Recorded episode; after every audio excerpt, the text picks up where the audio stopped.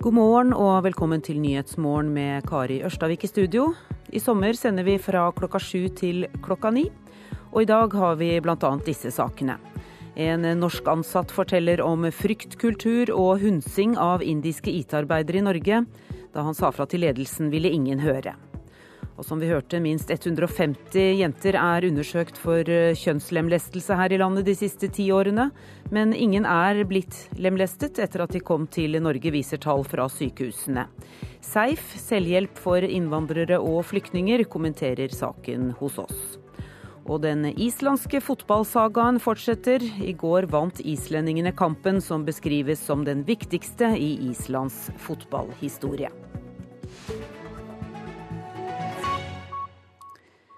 En norsk ansatt i et indisk selskap meldte fra om grove brudd på arbeidsmiljøloven hos Norgesgruppens underleverandør. IT-konsulenten hevder at inderne lever under en fryktkultur med ledere som hunser og truer dem. Verken ledelsen, styret eller verneombudet i Norgesgruppen tok bekymringsmeldingen på alvor, hevder IT-konsulenten. Etter måneder med intens jobbing i lokalene til Norgesgruppen Data, vil de indiske IT-arbeiderne se en Bollywood-film som vises i Oslo. Men de går slukøret hjem. Og da hadde de møtt sjefen på kinoen, og faen ville også sende filmen. Og da hadde de fått beskjed om at eh, de kunne ikke gå på kino, for de skulle være tilgjengelige. Dette er en av mange episoder som får varsleren til å engasjere seg. Ifølge ham må de indiske kollegaene som jobber for Norgesgruppen Datas indiske underleverandør, Tata Consultancy Services, være tilgjengelige døgnet rundt uten overtidsbetaling, og noen har helseplager av stresset. Det var jo mindre trivelig å være våken, eller være på jobb, da, når man visste at de rundt deg var det hunsa og plaget. Jobbet folk syv dager i uken? Ja, det gjorde de. Over dem henger en trussel om å bli sendt hjem til India. Først så gikk jeg til eh, verneombudet min, hos min tidligere arbeidsgiver, som da nå var min oppdragsgiver. Eh, og han sa han skulle ta det videre. Jeg hørte egentlig ikke noe mer. På nyåret 2015 skriver han et varslerbrev til ledelsen i Norgesgruppen Data, med kopi til flere av toppene i dagligvaregiganten. Ifølge varsleren var det lite som endret seg. Men HR-direktør i Norgesgruppen Data, Ole Christian Linseth, sier de umiddelbart tok kontakt med den indiske underleverandøren. Vi sa tydelige krav vi har bedt de bekrefte overfor oss at de følger norsk lov, eh, og at ikke det jobbes mer enn det som er tillatt, og at de blir kompensert for, eh, for det de jobber. Eh, og det har vi fått tydelig svar på at de gjør. Flere Tata-ansatte hevder til NRK at det kun ble marginale endringer etter møtene mellom Norgesgruppen Data og deres indiske underleverandør. Og jeg kan ikke si noe annet enn at dette tar vi svært alvorlig. Og vi vil umiddelbart nå vurdere tiltak for å sikre at dette ikke skjer. Jeg har lest korrespondansen som eh, hovedverneombudet hadde med varsleren. Og da skriver hovedverneombudet både bekrefter at det har vært andre bekymringsmeldinger utover varsleren, men også at eh, det er ikke noe mulig for oss rent juridisk å gjøre noe med dette. Kjenner du til de svarene som hovedverneombudet ga til varsleren? Nei, det kjenner jeg ikke. Uh, og her jeg sitter nå, er ingen grunn til å tro at det dere forteller meg, ikke stemmer. Men det, det, jeg opplever at det beskriver, er en, en hunsekultur eller en fryktkultur. Altså Vi i Norgesgruppen Data og Norgesgruppen er jo overhodet ikke altså Det er jo ikke akseptabelt.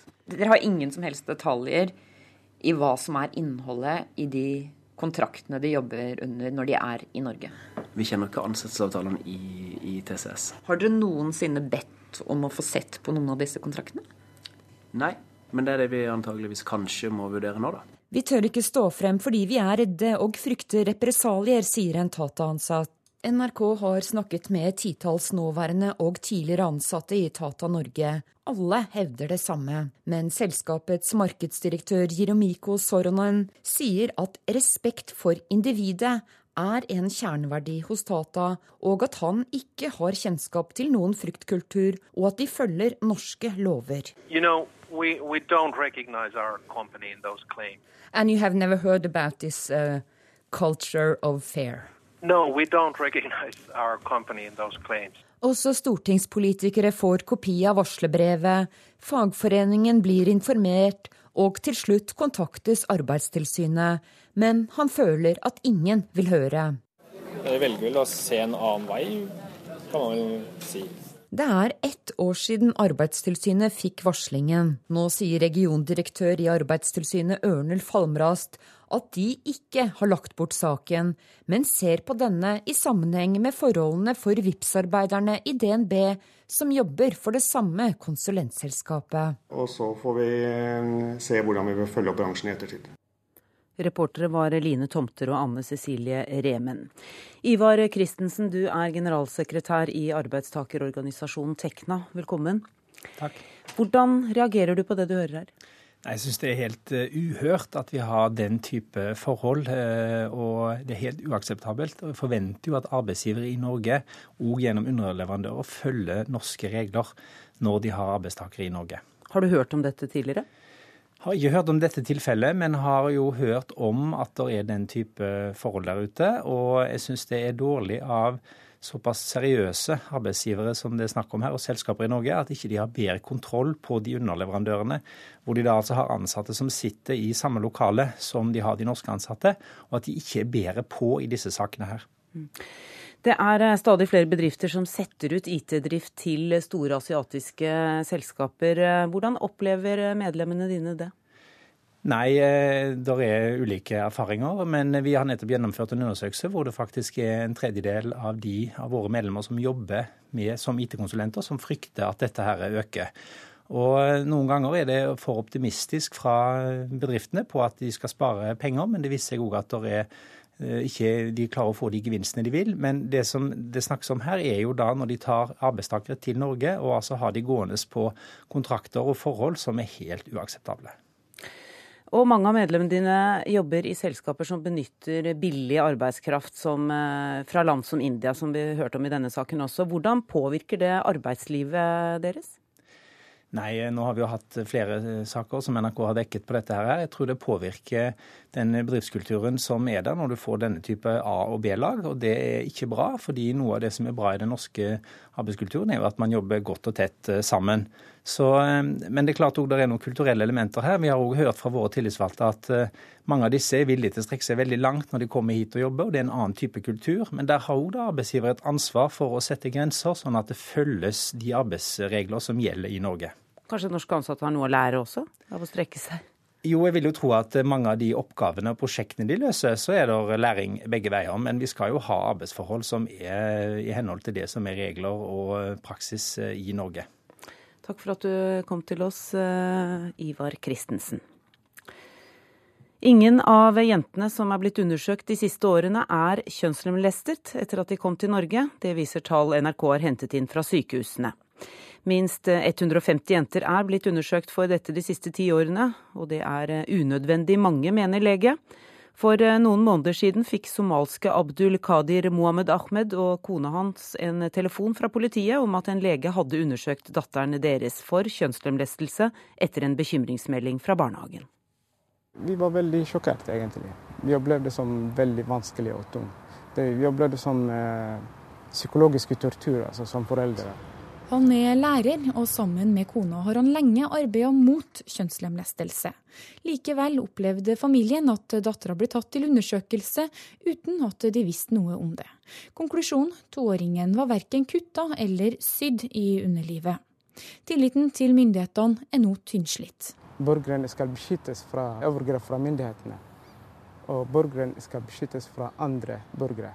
Og vi mener at myndighetene har overgrepet oss jeg veileder folk og prøver å overtale dem at de kan stole på systemet. Men den tilliten er jo skadet veldig nå for tiden. Det der apparatet der heter et kolboskop, som gir spesiell forstørrelse, og det gir øh, spesielt godt lys. Barnelege Klaus Møller ved Haukeland sykehus viser utstyret han bruker når han undersøker om barn er lemlesta eller misbrukt. Kjønnslemlestelse er ulovlig i Norge, og i de siste ti årene er minst 150 jenter undersøkt av leger etter mistanke om nettopp det. Med unntak av ett tvilstilfelle er ikke ei eneste jente lemlesta etter å ha flytta til Norge, ifølge tall fra sykehusene. De finner ikke noe Og grunnlaget for å starte undersøkelsen er ofte litt tynt. Altså.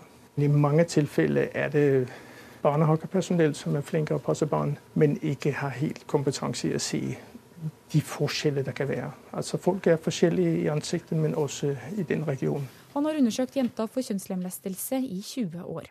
Han mener unødvendig mange blir undersøkt. Det er Elisabeth Hellevang Størksen ved Hordaland politidistrikt uenig i. Selv om vi ikke har avdekket noen, heldigvis, så kan ikke vi bare stadfeste og si at det ikke forekommer, og, etterforske de sakene på en annen måte enn vi gjør med andre saker som dreier seg om overgrep mot barn. Det er jo det samme som hvis det er mistanke om seksuelle overgrep mot et barn. Så vil vi jo også gjøre det på den måten. Og det er av hensyn til barnet av hensyn til det beste for barnet. De kunne bare snakke med, med foreldrene og stole på dem hvis de sier at vi har ikke omskåret jentene. Han har nå tatt dattera ut av barnehage. Systemet er bygget på tillit. sant? Så hvis, kan, hvis myndighetene kan ikke stole på meg, hvordan kan jeg stole på dem? Reportere her, det var Mikael Lerøen og Marit Gjelland. Og Zainab Mohamud, du jobber for Seif, selvhjelp for innvandrere og flyktninger i Tromsø, og er en av de første som sto fram som kjønnslemlestet her i landet. Hva mener du om at myndighetene sjekker jenter de tror er kjønnslemlestet? Altså jeg tenker Det er utrolig viktig at myndighetene, eh, altså det offentlige, sender bekymringsmeldinger for å avdekke hvis det skulle skje noe med barn. Um, nå syns jeg 150 i løpet av ti år er veldig lite tall. Um, de sjekker for få? Ja, og så tror jeg de sjekker for unge barn. fordi mange land i, i de landene som gjør dette her, så gjør man det litt seinere. I tenårene. Men når du hører denne faren fortelle om eh, datteren som ble undersøkt, eh, om hun var kjønnslemlestet uten at foreldrene fikk vite det på forhånd, det kan jo høres ut som et overgrep i seg selv? Altså, Jeg har medfølelse med han og andre foreldre som føler seg tråkket på. Men som mor selv så tror jeg jeg ville ha blitt glad for at barna mine blir sjekka. Og min datter ble sjekka i sin tid for det, og da tenkte jeg her gjøres det en jobb som er viktig. En annen ting er at det er viktig at vi foreldre som ikke gjør dette her mot våre barn, at vi er solidariske mot de barna det skjer med. At vi ikke tar det så personlig. Men, når vi hører nå at de har jo faktisk ikke funnet et eneste barn som er blitt kjønnslemlestet her i landet. Mm. Eh, betyr ikke det at det er på tide å, å stoppe med dette, eller i hvert fall uh, trappe ned? Antall Over, undersøkelser? Overhodet ikke. For nå er det snakk om at uh, vi tar imot mange nye flyktninger hvert år. Det kommer nye mennesker med gamle tradisjoner med seg. Det er utrolig viktig å følge med og opplyse, men også at helsepersonell og barnehageansatte har kompetanse til å kunne se eh, når man skal sende bekymringsmelding. Men hva tenker du om eh, at barnehageansatte tar feil, da, som vi hørte om her? Eh, nå vet ikke jeg hvordan de vurderer dette her, men eh, de har nok hatt gru sine grunner for å gjøre det. Eh, og jeg mener at de skal fortsette å, å, å melde ifra. For et samfunn der vi ikke melder ifra når vi ser barn som er kanskje skada eller har det vondt, det samfunnet vil vi ikke leve i. Det er ikke nok å spørre foreldrene om barna faktisk er lemlestet, da? Eh, for å si det sånn, hvis noen foreldre har gjort det, tror du de ville innrømt det? Den, Nei. Det, det, spørsmålet får henge. Takk for at du var med oss, Zainab eh, Mohamud. Du jobber i Seif, selvhjelp for innvandrere og flyktninger i Tromsø. Klokka er 7.17 der. Du hører på Nyhetsmorgen. Dette er hovedsaker i dag. En norsk ansatt i et indisk selskap meldte fra om grove brudd på arbeidsmiljøloven hos Norgesgruppens underleverandør, men sier han ikke ble tatt alvorlig. Ingen av jentene som er blitt undersøkt for kjønnslemlesting de siste årene, har vært lemlestet. Likevel er det viktig å fortsette å sjekke, sier Zainab Mohamud i Seif, som vi akkurat hørte.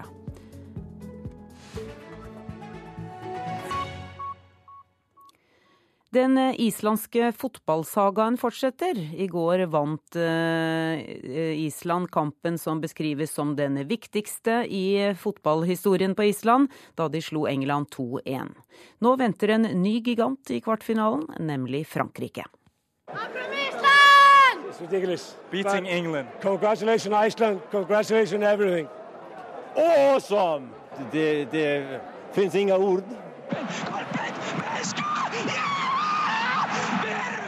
Det er ikke lett å beskrive med ord. Men den islandske kommentatoren Gudmundur Benediktsson var nok den som kom nærmest å synliggjøre akkurat hvilke følelser som fikk utløp i gårsdagens kamp mellom Island og England. Island 2! England 1! Det er en kamp som skriver seg inn i den moderne heltesagaen på Island. En kamp der de vant 2-1 over England, og Runar Sigurdsson i etterkant blir sett på som den største helten av dem alle. Uh, of course, this is a big thing for us, but uh, it, it, always takes some time to uh, like let it sink in and uh, realize what, what we have accomplished. I think we, we need uh, one two days just to let it sink in. Like I said, uh, you know, we, we're we're not surprised. The players and the, the, the coaching staff and everybody are not surprised because we knew we could do it. But but of course, it's it's a big thing. Nå ligger det an til en kvartfinale i helrødt, hvitt og blått. For der venter vertsnasjon Frankrike. I think we have six days to, uh, to recover, and uh, we will put up a game plan like do, play uh, style like do. So uh, there's nothing strange there. Og da er det bare å håpe på nye jubelscener som dette.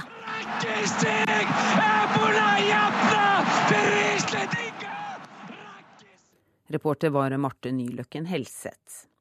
I Storbritannia har politiet registrert over 100 tilfeller av hatkriminalitet etter at britene bestemte seg for å forlate EU. Politikerne er svært bekymret over utviklingen. Spesielt polakker opplever å bli hetset. We certainly want to stay here. It's our home now, you know. Um, we've been here for a long time. Vi vil selvsagt gjerne bli. Dette er vårt hjem nå. Vi har vært her lenge og kan ikke tenke oss å reise tilbake, fordi alt vi har tjent og bygget opp, er her, sier Sonja Skovron Sabrevska i Aberdeen. Hun er en av over 850 000 polakker som har kommet til Storbritannia de siste årene og etablert seg. Men etter britenes avgjørelse om å forlate EU opplever nå mange polakker hatefulle ytringer. En elleve år gammel skolegutt i Huntington fant en lapp på skolen sin skrevet på både engelsk og polsk. Forlat EU, ikke flere polske skadedyr, var skrevet på den. That's rude, because I'm Polish, and that's really sad for me. Det er uhøflig å si noe sånt bare fordi jeg er polsk. Det er veldig trist for meg, sier gutten. The leaders of the Brexit campaign have engendered an atmosphere where some people believe it is open season now for Lederne for brexit-kampanjen har skapt en atmosfære der noen tror det er fritt frem for rasisme og fremmedfrykt påpekte parlamentsmedlem Harriet Harman i går. She's absolutely right that we must be very clear about our commitment to tolerance, to diversity, and our complete intolerance of racism and hateful hate crimes that we've seen in recent days. Vi må være helt klare i vår forpliktelse til toleranse og mangfold, og vår nulltoleranse for rasisme og hatefull hatkriminalitet, som vi har sett de siste dagene sier statsminister David Cameron. Det var reporter Charlotte Bergløf som hadde laget denne saken. Ja, Britenes statsminister David Cameron kjemper altså for å bevare ro og samhold i Storbritannia. I dag reiser han til Brussel for å delta på toppmøtet i EU. Korrespondent Tore Tollersrud, hvordan vil Cameron bli mottatt i Brussel?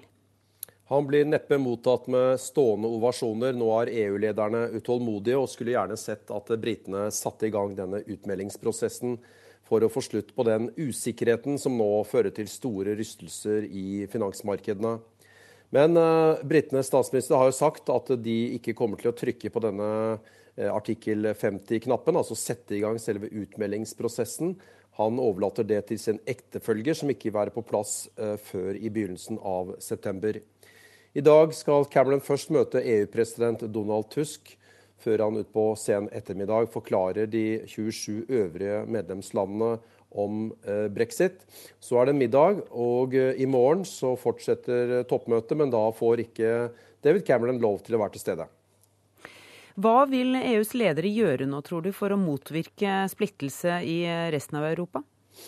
Ja, De er jo redde for denne såkalte smitteeffekten. At uh, britenes utmelding fører til at andre land uh, får en debatt om uh, at det skal være folkeavstemning. Og det har vi jo hørt fra, fra, fra, Nederland, vi har hørt det fra, fra Frankrike. Det EU kan gjøre, er jo å nå gi, forklare at de nå lytter til folket. Kanskje vi reformerer EU, slik at EU får større folkelig oppslutning. Kan EU ja, hevne seg på Storbritannia nå ved å, ved å gi en dårlig avtale? Ja, Om ikke direkte hevn, så er det nok eh, slik at mange i EU eh, mener det er viktig at eh, Storbritannia i hvert fall ikke skal få en så god avtale at andre fristes til å melde seg ut og, og gjøre noe lignende. Britene ønsker fortsatt å ha tilgang til EUs indre marked. Det er et marked på 500 millioner mennesker. Men de, de, de nektes jo en såkalt à la carte-løsning. At de altså skal kunne gå inn og bare plukke det de ønsker å ha fra EU. Skal de ha tilgang på det indre markedet, så må de også eh, tillate fri bevegelse av arbeidskraft. Men det er jo noe da britene eh, åpenbart ikke ønsker. Og EU fortsetter toppmøtet i morgen uten Storbritannia. Hvor viktig er det for statslederne i de 27 andre medlemslandene å komme videre nå?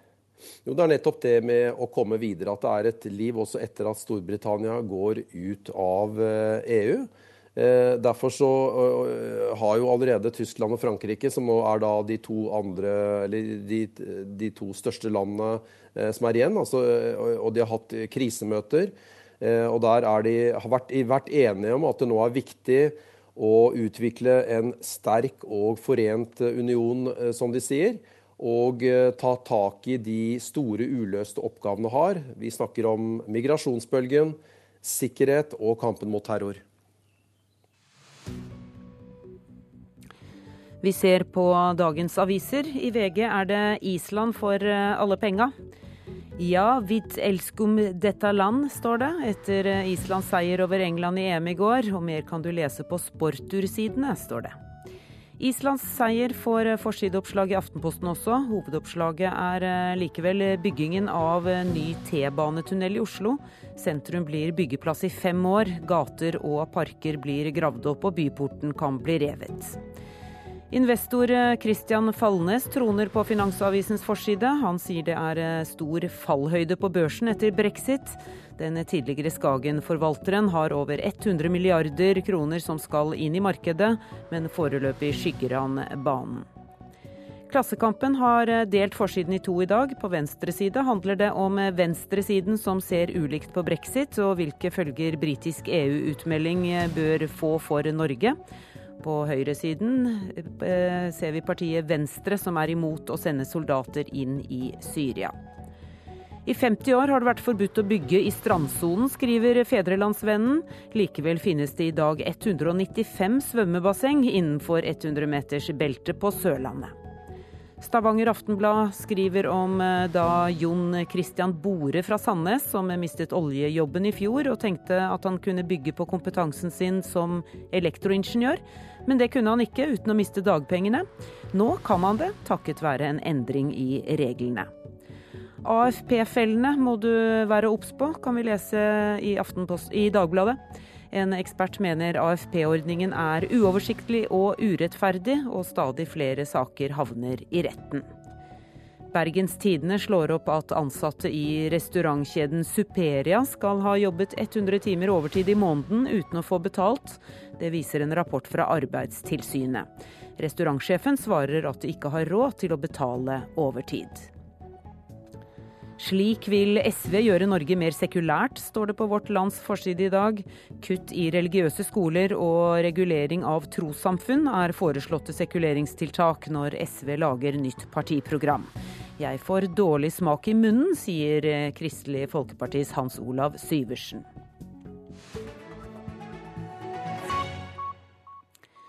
Bare en tredel av hovedrollene i norsk film på kino er kvinneroller. Mens det har vært en lang debatt om kjønnsfordelingen i rollene bak kamera, er det først nå at rollene foran kamera er undersøkt. Du forstår at vi ikke er venner, ikke sant? Vi er bønder. Vi er ikke krigere. Vi snakker om en 80 meter høy bølge her. Etter ti minutter så finnes det ikke Geiranger lenger. Grand Hotell, Birkebeinerne og Bølgen. Alle med mannlige hovedroller. Norsk Skuespillerforbund har kartlagt hovedrollene i de 118 norske kinofilmene de siste fem åra. Og flertallet av dem er det menn som innehar. Det forteller styreleder Knut Alfsen. Hovedkarakterene i disse filmene, sånn helt overordnet, er 60% menn og 40% kvinner. Og i de filmene hvor det bare er én hovedkarakter, en tredjedel bare som er kvinnelige hovedkarakterer, mens to tredjedeler er mannlige hovedkarakterer. Skuespiller og styremedlem Maria Bock mener det er for få. Så er det jo en systematisk skjevfordeling som vi veldig gjerne skulle ha gjort noe med. Men hvorfor er det slik? Det fremdeles dessverre er sånn at det er først og fremst menn som skriver roller og regisserer og er på produsentsida. Uh, og da mangler det kanskje den fantasien til å komme opp med å tenke litt nytt og annerledes. Sier professor i filmvitenskap Anne Gjelsvik. Og derfor spør vi en mannlig regissør, Erik Poppe. Det som kanskje få vil uttale, eller gå med på å innrømme, men som amerikanerne sier, en film med en mannlig hovedrolle selger mer enn en film med en kvinnelig eh, protagonist. Kunne du tenkt deg å spille, da? Er du gal? Selvfølgelig. Reporter var Maria Pile Svåsand. Og Norsk Filminstitutt sier de vil komme med sine planer for kvinneandelen i filmbransjen i en ny handlingsplan i morgen.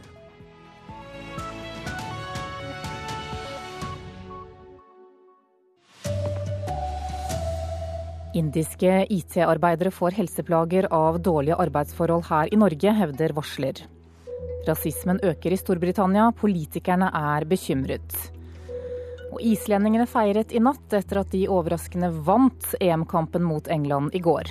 Det, det finnes ingen ord. Her er NRK Dagsnytt klokka 7.30 ved Anne Jetlund Hansen. Indiske IT-arbeidere i Norge føler seg dårlig behandlet på jobb og må stå på pinne hele døgnet. Det hevder en norsk kollega som har varslet om grove brudd på arbeidsmiljøloven hos Norgesgruppens underleverandør. Men han opplevde at varslingen ikke ble tatt på alvor. Etter måneder med intens jobbing i lokalene til Norgesgruppen Data, vil de indiske IT-arbeiderne se en Bollywood-film som vises i Oslo, men de går slukøret hjem. Og da hadde vi møtt sjefen på kinoen, og da hadde vi fått beskjed om at eh, de kunne ikke gå på kino, for de skulle være tilgjengelige. Dette er en av mange episoder som får varsleren til å engasjere seg. Ifølge ham må de indiske kollegaene som jobber for Norgesgruppen Datas indiske underleverandør, Tata Consultancy Services, være tilgjengelige døgnet rundt uten overtidsbetaling, og noen har helseplager av stresset. Det var jo mindre trivelig å være på jobb da, når man visste at de rundt deg det hunsa og plaget. Først så gikk jeg til verneombudet min, hos min tidligere arbeidsgiver som da nå var min oppdragsgiver. Og det skjedde ingenting? Nei. På nyåret 2015 skriver han et varslerbrev til ledelsen i Norgesgruppen Data med kopi til flere av toppene i dagligvaregiganten. Ifølge varsleren var det lite som endret seg. Men HR-direktør i Norgesgruppen Data, Ole Christian Linseth, sier de umiddelbart tok kontakt med den indiske underleverandøren. Vi sa tydelige krav i forhold til hva som ble varsla om, eh, og vi har fått veldig klare svar på hvordan de ville håndtere dette videre. Men det ble ingen merkbare endringer, hevder Tata-ansatte til NRK. For å komme til bunns i denne saken, så må vi helt sikkert gjøre ytterligere tiltak enn det vi har gjort i dag. Vi tør ikke stå frem fordi vi er redde og frykter represalier, sier en Tata-ansatt. NRK har snakket med titalls nåværende og tidligere ansatte i Tata Norge. Alle hevder det samme. Men selskapets markedsdirektør Jiromiko Soronen sier at respekt for individet er en kjerneverdi hos Tata, og at han ikke har kjennskap til noen fryktkultur, og at de følger norske lover. You know, we, we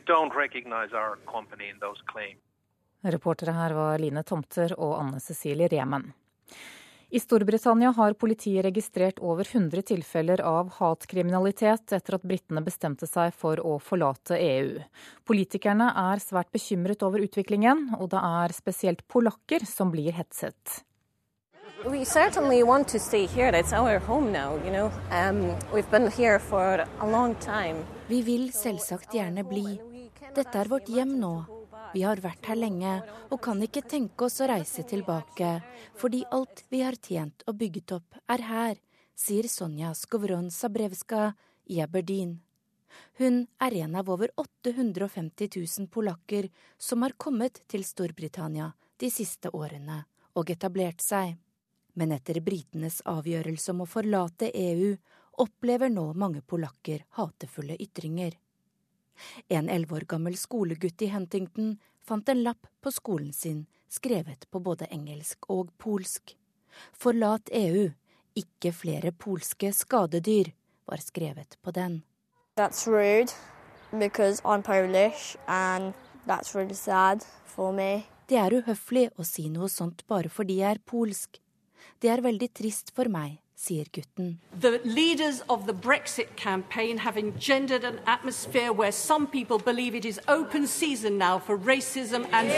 Lederne for brexit-kampanjen har skapt en atmosfære der noen tror det er fritt frem for rasisme og fremmedfrykt, påpekte parlamentsmedlem Harriet Harman i går.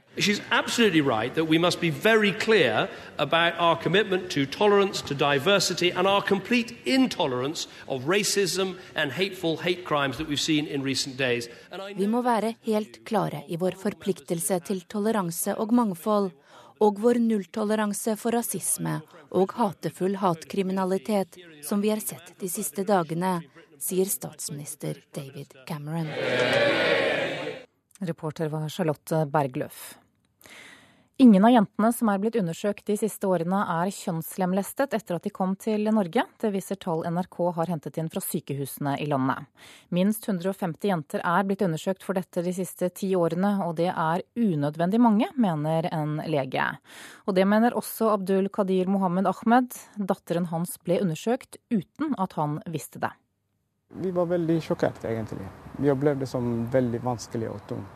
Vi opplevde det som eh, psykologiske tortur altså, som foreldre. Det er noen måneder nå siden Abdul Qadir Mohammed Ahmed og kona fikk en telefon fra politiet om at en lege hadde undersøkt dattera for kjønnslemlestelse etter en bekymringsmelding fra barnehagen.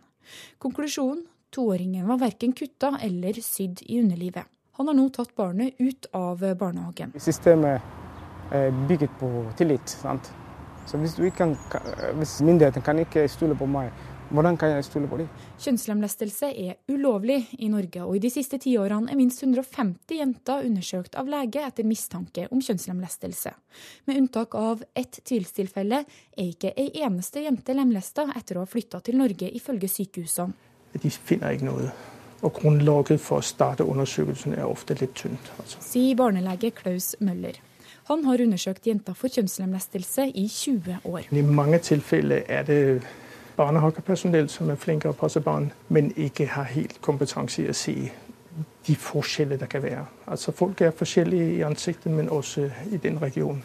Han mener unødvendig mange blir undersøkt. Det er Elisabeth Hellevang Størksen ved Hordaland politidistrikt uenig i. Selv om vi ikke har avdekket noen, heldigvis, så kan ikke vi bare stadfeste og si at det ikke forekommer, og, og etterforske de sakene på en annen måte enn vi gjør med andre saker som dreier seg om overgrep mot barn. Reportere var Mikael Lerøen og Marit Gjelland. De tre som var siktet for å ha drept Per Vålnes, krever millionerstatning fra staten.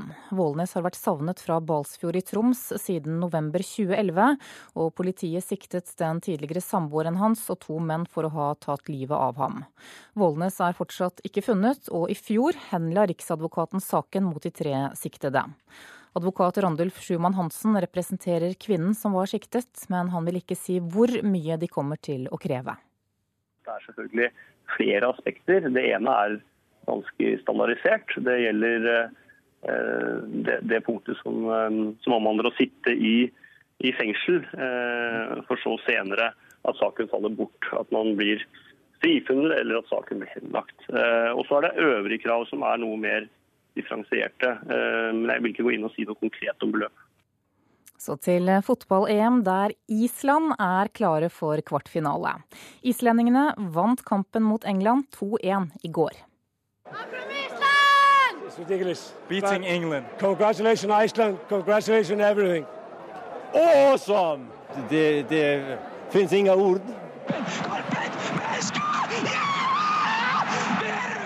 Det er ikke lett å beskrive med ord. Men den islandske kommentatoren Gudmundur Benediktsson var nok den som kom nærmest å synliggjøre akkurat hvilke følelser som fikk utløp i gårsdagens kamp mellom Island og England. Island 2! England 8! Det er en kamp som skriver seg inn i den moderne heltesagaen på Island.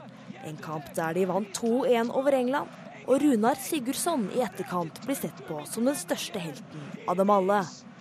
Uh, of course, this is a big thing for us, but uh, it, it, always it takes some time to uh, like let it sink in and uh, realize what, what we have accomplished. I think we, we need uh, one two days just to let it sink in. Like I said, uh, you know, we, we're we're not surprised. The players and the, the, the coaching staff and everybody are not surprised because we knew we could do it. But but of course, it's it's a big thing. Nå ligger det an til en kvartfinale i helrødt, hvitt og blått. For der venter vertsnasjon Frankrike. I think we have six days to, uh, to recover, and uh, we will put up a game plan like do, play uh, style like do. So uh, there's nothing strange there. Og da er det bare å håpe på nye jubelscener som dette.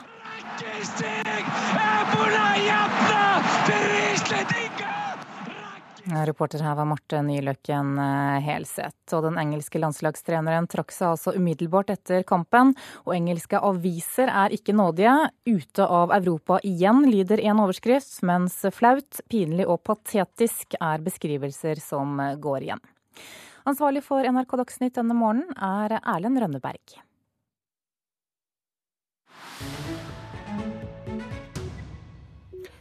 Og Nyhetsmorgen fortsetter. EUs medlemmer er enige om å forlenge sanksjonene mot Russland med seks måneder, trass i stor motstand i enkelte EU-land.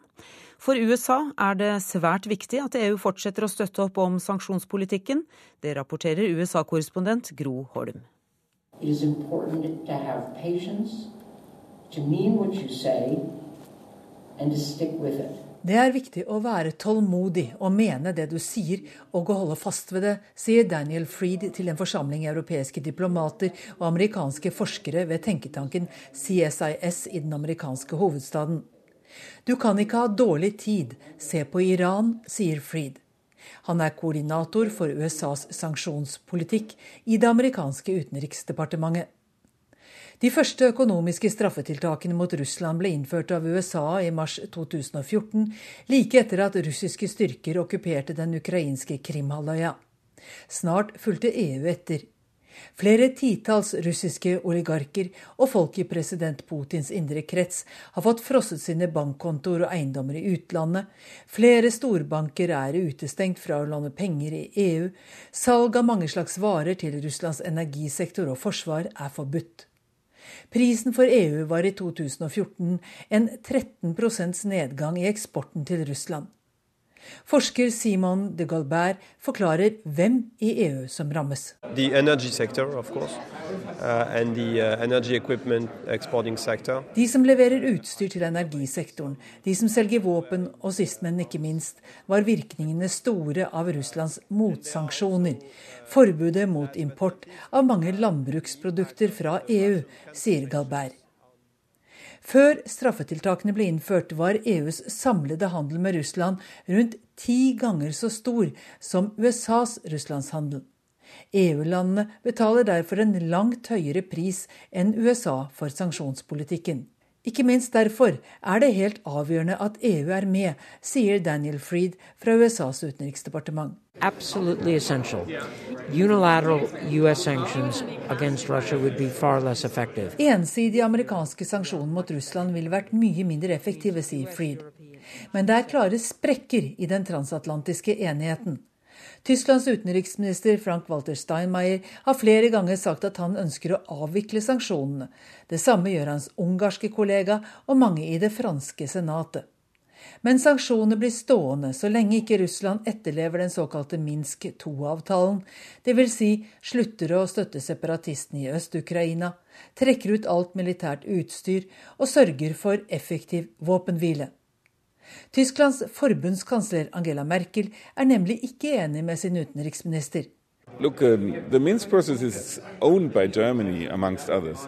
So it is difficult to imagine that you know, it is given up without any um, consequence. Minsk-prosessen er eid av bl.a. Tyskland. Det er vanskelig å tenke seg at vi gir opp den, sier nestkommanderende ved den tyske ambassaden, Philip Ackermann.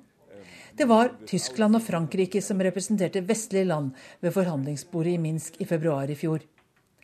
Men denne avtalen gjaldt bare Øst-Ukraina, er det også en betingelse at Russland trekker seg ut av Krim før sanksjonene heves, spør jeg representanten for amerikansk UD.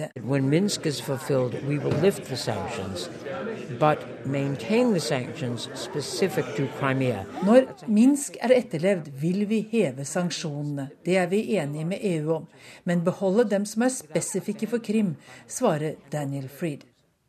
Det vil i praksis si at alle de viktigste straffetiltakene forsvinner, og bare de mindre viktige, som rammer visse typer handel og turisme til halvøya i Svartehavet, blir stående. I Moskva vil nok det bli oppfattet som et signal om at USA og EU har akseptert at de ikke kan gjøre noe med Russlands annektering av Krim. En eh, norsk ansatt mener det er en fryktkultur og hunsing av indiske IT-arbeidere i Norge. Da han eh, sa fra til ledelsen, ville ingen høre. Minst 150 jenter er undersøkt for kjønnslemlestelse her i landet de siste ti årene. Men ingen er blitt lemlestet etter at de kom til Norge, viser tall fra sykehus. Og Island jubler etter å ha slått ut England av Europamesterskapet i fotball.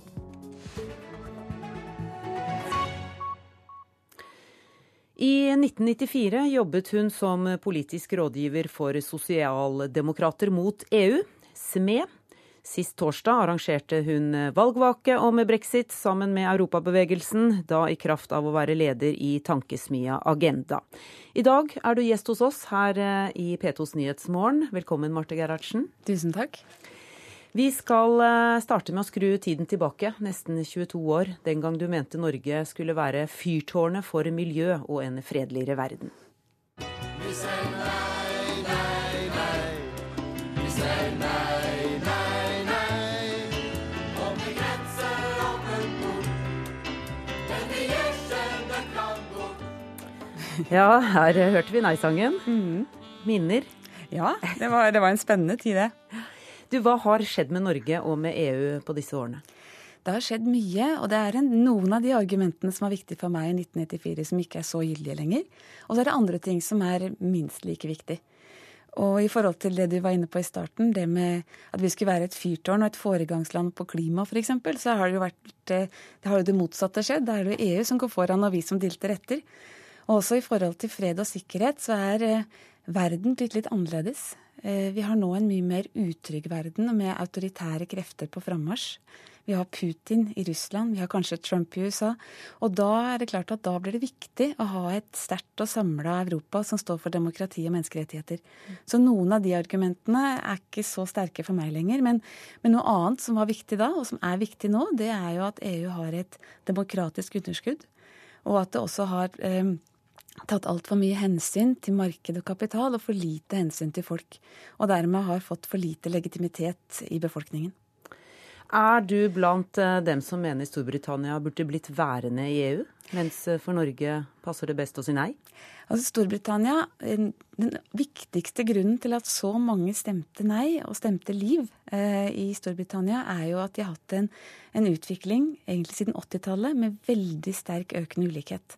Du har fått store grupper mennesker som ikke har tatt del i velstandsutviklingen, og som tvert imot har blitt fattigere, og som føler at, ikke, at politikken og økonomien ikke fungerer for dem.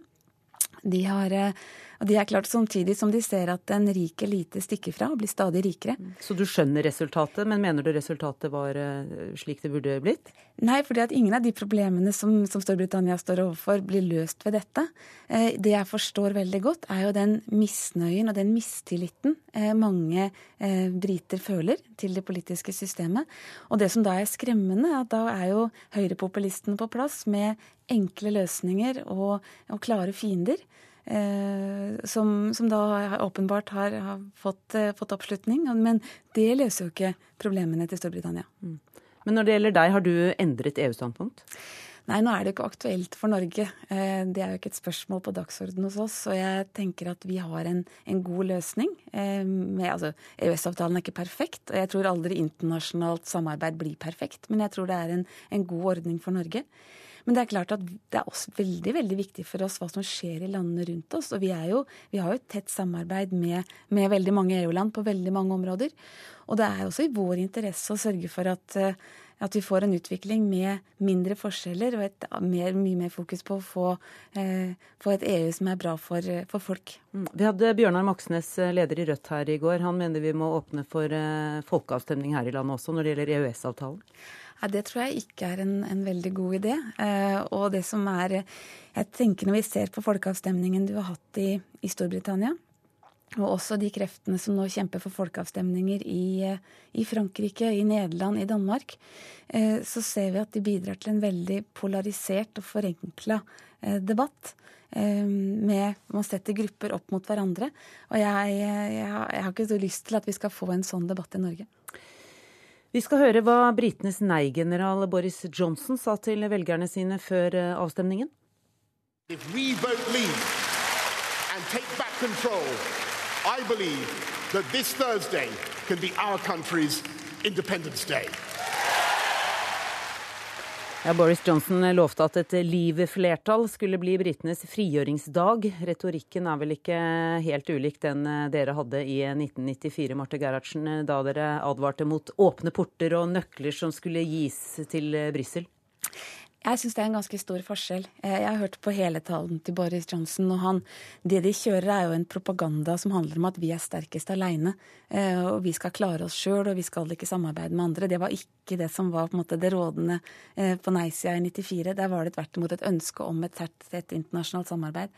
Så de kreftene som nå ønsker å bryte opp Europa, og som ønsker å, å gå ut av EU, er jo krefter som, som virkelig som, eh, spiller på fremmedfrykt, som setter grupper opp mot hverandre, og som ønsker et mer isolasjonistisk eh, Europa. Det, det, er ikke, det, har vi, det har ingens interesse at det går i den retningen. Mm.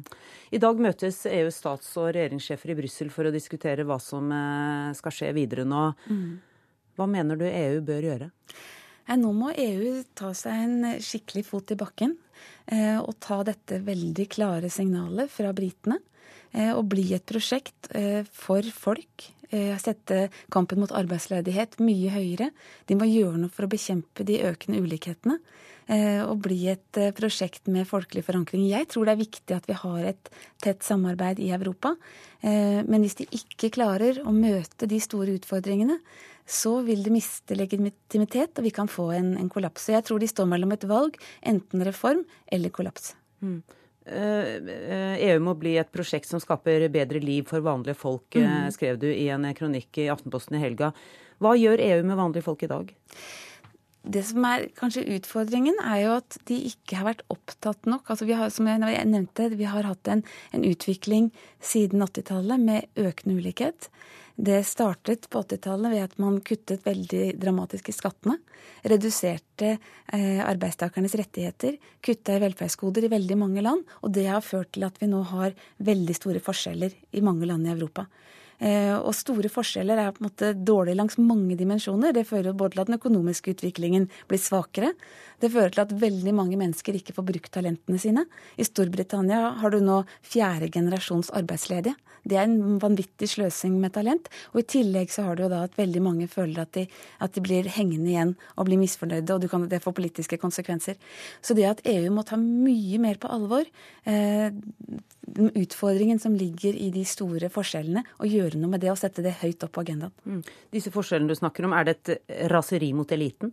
Det er klart det er det. Eh, og det tenker jeg er ytterst berettiget.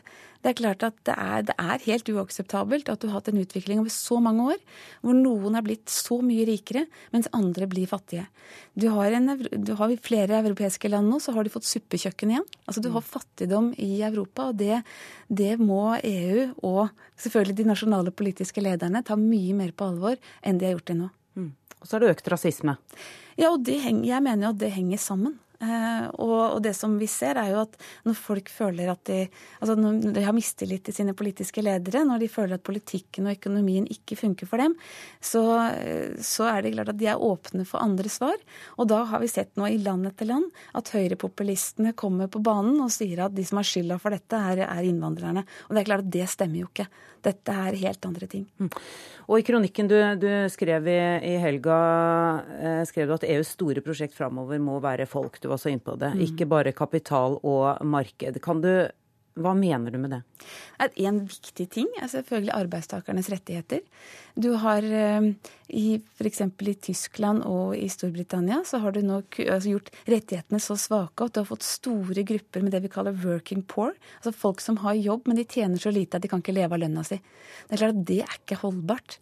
Eh, det skaper masse misnøye. Så vi, vi, må få et arbeidsliv. Eh, vi må styrke eh, fagbevegelsen i de europeiske landene. De må få, arbeidstakernes rettigheter må bli sterkere. Vi må ha en velferds, velferdssystemer som, som, fanger opp de svakeste. Så det, det trengs viktige reformer i veldig mange europeiske land. Mm. Store utfordringer for Europa, altså. Takk for at du kom til oss, Marte Gerhardsen. Ha det godt.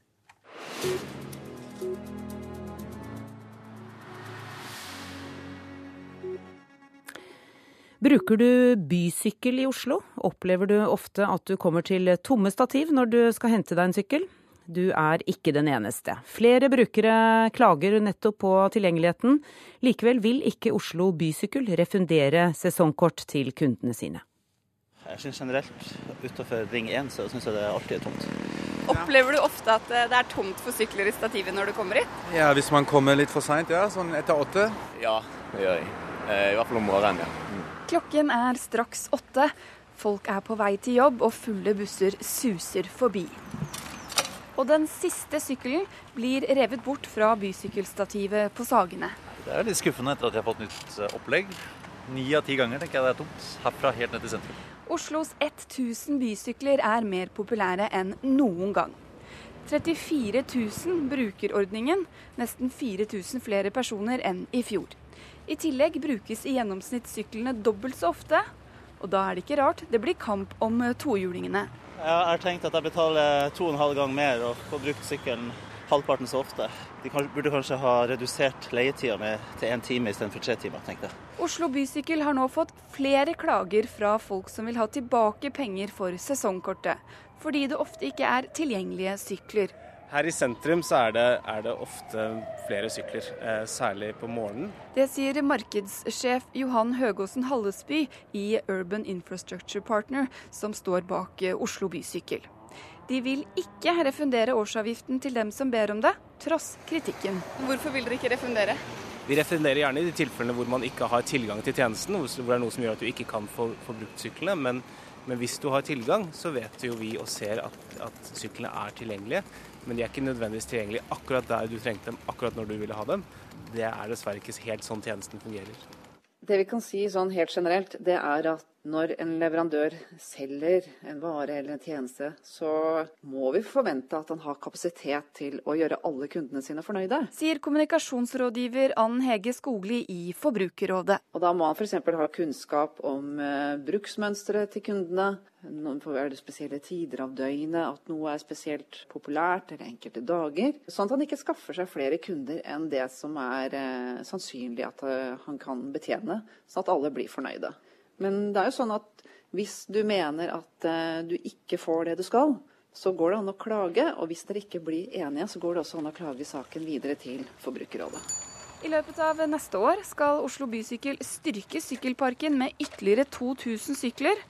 Høgåsen Hallesby håper det vil gi flere fornøyde kunder. Nei, Dette vokser hele tiden i takt med utbyggingen. Vi prøver hele tiden å ha to låser for hver sykler. Så etter hvert som vi skal opp i da totalt 6000 låser frem mot åpningen neste år, så skal vi helt opp i 3000 sykler. Ja, Det sa markedssjef Johan Høgåsen Hallesby til reporter Anette Holt Hansen. Og så et værvarsel for i dag. Spitsbergen skiftende bris, oppholdsvær og stedvis periode med sol. Lokal tåke. Finnmark sør til sørvestlig bris. I vest etter hvert mulighet for litt regn av og til, mest på vidda. I øst perioder med sol. Fra i ettermiddag kan hende spredte byger. Troms skyet vær, litt regn først, eh, første del av dagen. Deretter spredte regnbyger, sørvestlig bris. Nordland får det meste skyet vær med noen regnbyger. Flest byger i indre strøk, sørvestlig bris. Trøndelag første del av dagen litt regn de fleste steder. Fra i ettermiddag eller kveld stort sett oppholdsvær og lettere skydekke. Sørvestlig bris, senere skiftende bris. Møre og Romsdal først på dagen stort sett oppholdsvær og perioder med sol. Deretter enkelte regnbyger de fleste steder. Sørvestlig bris, på kysten periodevis frisk bris. Vestlandet sør for Stad sørvestlig bris, liten kuling nær Stad. Skyet eller delvis skyet. Noen regnbyger, men lettere vær i kveld. Og fjellet i Sør-Norge skyet eller delvis skyet. Enkelte regnbyger, særlig i vestlige områder. For det meste vestlig bris. Østafjells er det ventet bris mellom sør og vest. Fra i ettermiddag sørvestlig liten kuling på kysten øst for Oksøy. Stort sett oppholdsvær og perioder med sol, men enkelte regnbyger vest i Agder og på Østlandet nord for Gardermoen, særlig i ettermiddag. Vi tar noen temperaturer. Eh, blir i dag slik. Betydelig lavere nord i landet. I Troms og vest i Finnmark høyere temperatur. Lengst øst i Finnmark lavere temperatur sør i Nordland. Ellers i landet bare mindre temperaturendringer sammenlignet med i går. Varmest i går var for øvrig Skibotn i Troms med 27,3 grader. Fulgt av lufthavnene Sørkjosen i Troms og Narvik i Nord Nordland, begge 27 grader. NRK P2.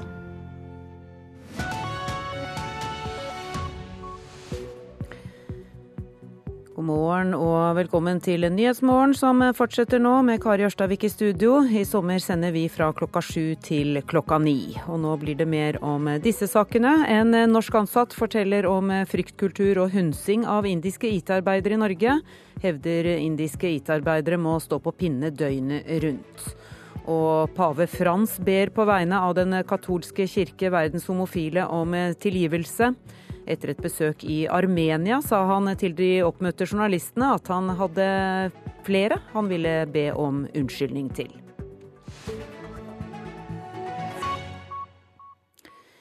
Indiske IT-arbeidere i Norge føler seg dårlig behandlet på jobb og må stå på pinne hele døgnet. Det hevder en norsk kollega som har varslet om grove brudd på arbeidsmiljøloven hos Norgesgruppens underleverandør. Men han opplevde at varslingen ikke ble tatt alvorlig. Etter måneder med intens jobbing i lokalene til Norgesgruppen Data, vil de indiske IT-arbeiderne se en Bollywood-film som vises i Oslo, men de går slukøret hjem. Da hadde de møtt sjefen på kinoen, og da hadde de fått beskjed om at eh, de kunne ikke gå på kino, for de skulle være tilgjengelige. Dette er en av mange episoder som får varsleren til å engasjere seg. Ifølge ham må de indiske kollegaene som jobber for Norgesgruppen Datas indiske underleverandør, Tata Consultancy Services, være tilgjengelige døgnet rundt uten overtidsbetaling, og noen har helseplager av stresset. Det var jo mindre trivelig å være på jobb da, når man visste at de rundt deg ble hunsa og plaget. Først så gikk jeg til verneombudet min, hos min tidligere arbeidsgiver som da nå var min oppdragsgiver. Og Det skjedde ingenting? Nei. På nyåret 2015 skriver han et varslerbrev til ledelsen i Norgesgruppen Data med kopi til flere av toppene i dagligvaregiganten. Ifølge varsleren var det lite som endret seg. Men HR-direktør i Norgesgruppen Data, Ole Christian Linseth, sier de umiddelbart tok kontakt med den indiske underleverandøren. Vi sa tydelige krav i forhold til hva som ble varsla om, eh, og vi har fått veldig klare svar på hvordan de ville håndtere dette videre. Men det ble ingen merkbare endringer, hevder Tata-ansatte til NRK. For å komme til bunns i denne saken, så må vi helt sikkert gjøre ytterligere tiltak enn det vi har gjort i dag. Vi tør ikke stå frem fordi vi er redde og frykter represalier, sier en Tata-ansatt. NRK har snakket med titalls nåværende og tidligere ansatte i Tata Norge. Alle hevder det samme. Men selskapets markedsdirektør Jiromiko Soronen sier at respekt for individet er en kjerneverdi hos Tata, og at han ikke har kjennskap til noen fryktkultur, og at de følger norske lover. You know, we, we Reportere var Line Tomter og Anne Cecilie Remen. Og generalsekretær i Tekna, Ivar Christensen, mener norske selskaper må ha bedre kontroll på underleverandørene. Jeg syns det er helt uh, uhørt at vi har den type forhold. Uh, og det er helt uakseptabelt. Vi forventer jo at arbeidsgivere i Norge òg gjennom underleverandører følger norske regler når de har arbeidstakere i Norge. Har du hørt om dette tidligere? Har ikke hørt om dette tilfellet, men har jo hørt om at det er den type forhold der ute. Og jeg syns det er dårlig av såpass seriøse arbeidsgivere som det er snakk om her, og selskaper i Norge, at ikke de har bedre kontroll på de underleverandørene, hvor de da altså har ansatte som sitter i samme lokale som de har de norske ansatte, og at de ikke er bedre på i disse sakene her. Det er eh, stadig flere bedrifter som setter ut IT-drift til store asiatiske selskaper. Hvordan opplever medlemmene dine det? Nei, eh, det er ulike erfaringer. Men vi har nettopp gjennomført en undersøkelse hvor det faktisk er en tredjedel av de av våre medlemmer som jobber med, som IT-konsulenter, som frykter at dette her øker. Og Noen ganger er det for optimistisk fra bedriftene på at de skal spare penger, men det viser seg òg at det er eh, ikke de klarer å få de gevinstene de vil. Men det som det snakkes om her, er jo da når de tar arbeidstakere til Norge og altså har de gående på kontrakter og forhold som er helt uakseptable. Og mange av medlemmene dine jobber i selskaper som benytter billig arbeidskraft som, eh, fra land som India, som vi hørte om i denne saken også. Hvordan påvirker det arbeidslivet deres? Nei, nå har vi jo hatt flere saker som NRK har dekket på dette. her. Jeg tror det påvirker den bedriftskulturen som er der når du får denne type A- og B-lag. Og det er ikke bra, fordi noe av det som er bra i den norske arbeidskulturen, er jo at man jobber godt og tett eh, sammen. Så, eh, men det er klart også det er noen kulturelle elementer her. Vi har også hørt fra våre tillitsvalgte at eh, mange av disse er villige til å strekke seg veldig langt når de kommer hit og jobber, og det er en annen type kultur. Men der har også arbeidsgiver et ansvar for å sette grenser, sånn at det følges de arbeidsregler som gjelder i Norge. Kanskje norske ansatte har noe å lære også av å strekke seg? Jo, jeg vil jo tro at mange av de oppgavene og prosjektene de løser, så er det læring begge veier. Men vi skal jo ha arbeidsforhold som er i henhold til det som er regler og praksis i Norge. Vi ser på avisene for i dag. I VG er det Island for alle penga. Ja, vid elskum tethaland, står det, etter Islands seier over England i EM i går. Og mer kan du lese på sportursidene, står det i VG. Islands seier over forsideoppslag, får forsideoppslag i Aftenposten også. Hovedoppslaget er likevel byggingen av ny T-banetunnel i Oslo. Sentrum blir byggeplass i fem år. Gater og parker blir gravd opp og byporten kan bli revet.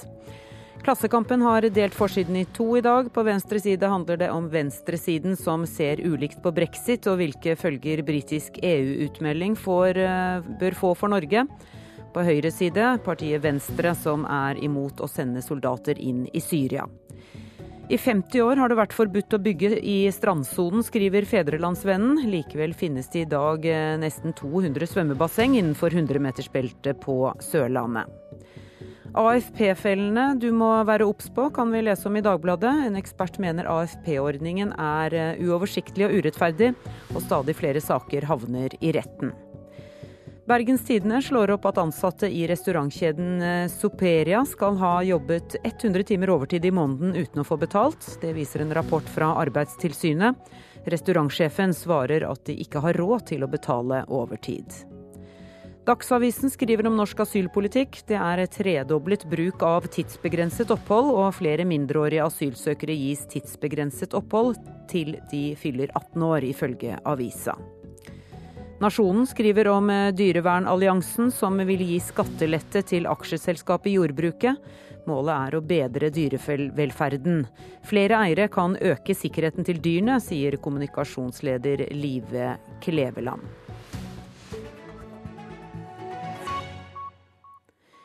I USA har Høyesterett bestemt at delstaten Texas må trekke tilbake en lov som ville gjort det vanskeligere for kvinner å få abort.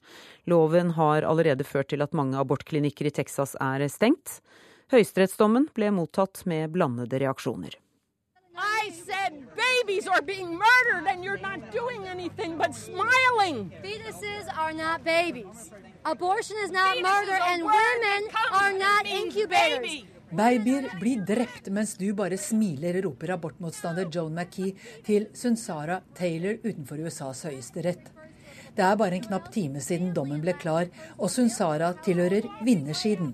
Fostre er ikke barn, og kvinner er ikke rugemaskiner, sier hun. Frontene er steile. Love your children. Children are our greatest treasure in the whole world. What about Deuteronomy? If women are not virgins when they get married, they should be stoned to death. That's your Bible. Elsk dine barn, de er de største skattene i verden, sier Joan, mens Sunsara noe feilaktig hevder at Bibelen gir bud om steining av kvinner som ikke er jomfruer når de giftes bort. Marriage is sacred. It's holy matrimony. That's when you have sex, not a minute before. De to demonstrantene blir ikke enige, men det ble flertallet inne i Høyesterett. I den klareste abortdommen siden 1992 slår fem av åtte dommere fast at loven i Texas ville legge en unødig byrde på kvinner som ønsker å bruke sin rett til selvbestemt abort. Leger på abortklinikkene ville måtte søke om rett til å legge inn pasienter på nærmeste sykehus, og Texas krevde at klinikkene måtte utbedres, slik at de kunne klassifiseres som mobile sykehus. Loven fra 2013 har allerede ført til en dramatisk nedgang i antall abortklinikker i Texas.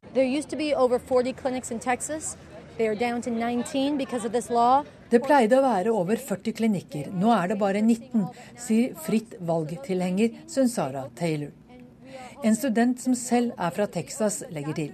Because it has become so selective, they were able to make it much more expensive, which has made it very difficult to access for people of lower incomes. Fordi det er blitt færre, så er det også blitt mye dyrere å bruke klinikkene. Det gjør det vanskelig for folk med lav inntekt å bruke en rettighet som egentlig er helt fundamental, sier Chris Eckert fra Texas. Han synes det er stort å være rett utenfor bygningen den dagen Høyesterett tar en så historisk viktig beslutning. For loven har vært behandlet av en hel skog av domstoler på lavere nivå. Nå er siste ord sagt i akkurat denne saken, men abortmotstanderne har ikke gitt opp.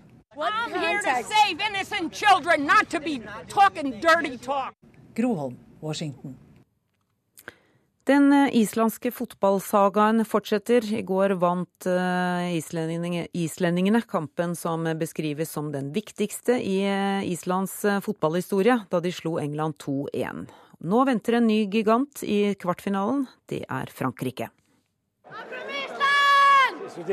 Beating England. Congratulations, Iceland. Congratulations, everything. Awesome! Det, det finnes ingen ord. Det er ikke lett å beskrive med ord. Men den islandske kommentatoren Gudmundur Benediktsson var nok den som kom nærmest å synliggjøre akkurat hvilke følelser som fikk utløp i gårsdagens kamp mellom Island og England. Island 2! England 1! Det er en kamp som skriver seg inn i den moderne heltesagaen på Island. En kamp der de vant 2-1 over England, og Runar Sigurdsson i etterkant blir sett på som den største helten av dem alle. Uh, of course, this is a big thing for us, but uh, it, it, always takes some time to uh, like let it sink in and uh, realize what, what we have accomplished. I think we, we need uh, one two days just to let it sink in. Like I said, uh, you know, we, we're we're not surprised. The players and the, the, the coaching staff and everybody are not surprised because we knew we could do it. But but of course, it's it's a big thing. Nå ligger det an til en kvartfinale i helrødt, hvitt og blått. For der venter vertsnasjon Frankrike. I think we have six days to, uh, to recover, and uh, we will put up a game plan like do, play uh, style like do. So uh, there's nothing strange there. Og da er det bare å håpe på nye jubelscener som dette.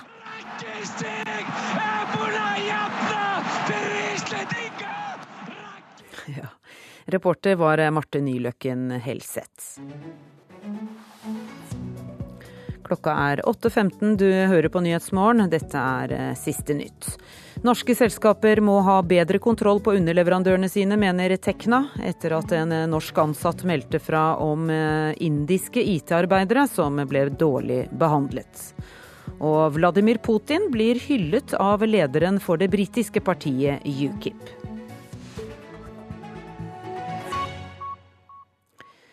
I går ble en 21 år gammel mann dømt i lagmannsretten for ulovlig deling av titusenvis av Snapchat-bilder på nettet. Det er på tide, mener lederen for slettmeg.no. Altfor lenge har rådene vært å nesten legge skylda på de som har måte, i utgangspunktet delt et bilde med noen i god tro, med tillit. Og så har man ikke gått etter de som da har misbrukt det bildet og delt det videre. Det sier Hans Marius Tessem, som er leder for nettstedet slettmeg.no.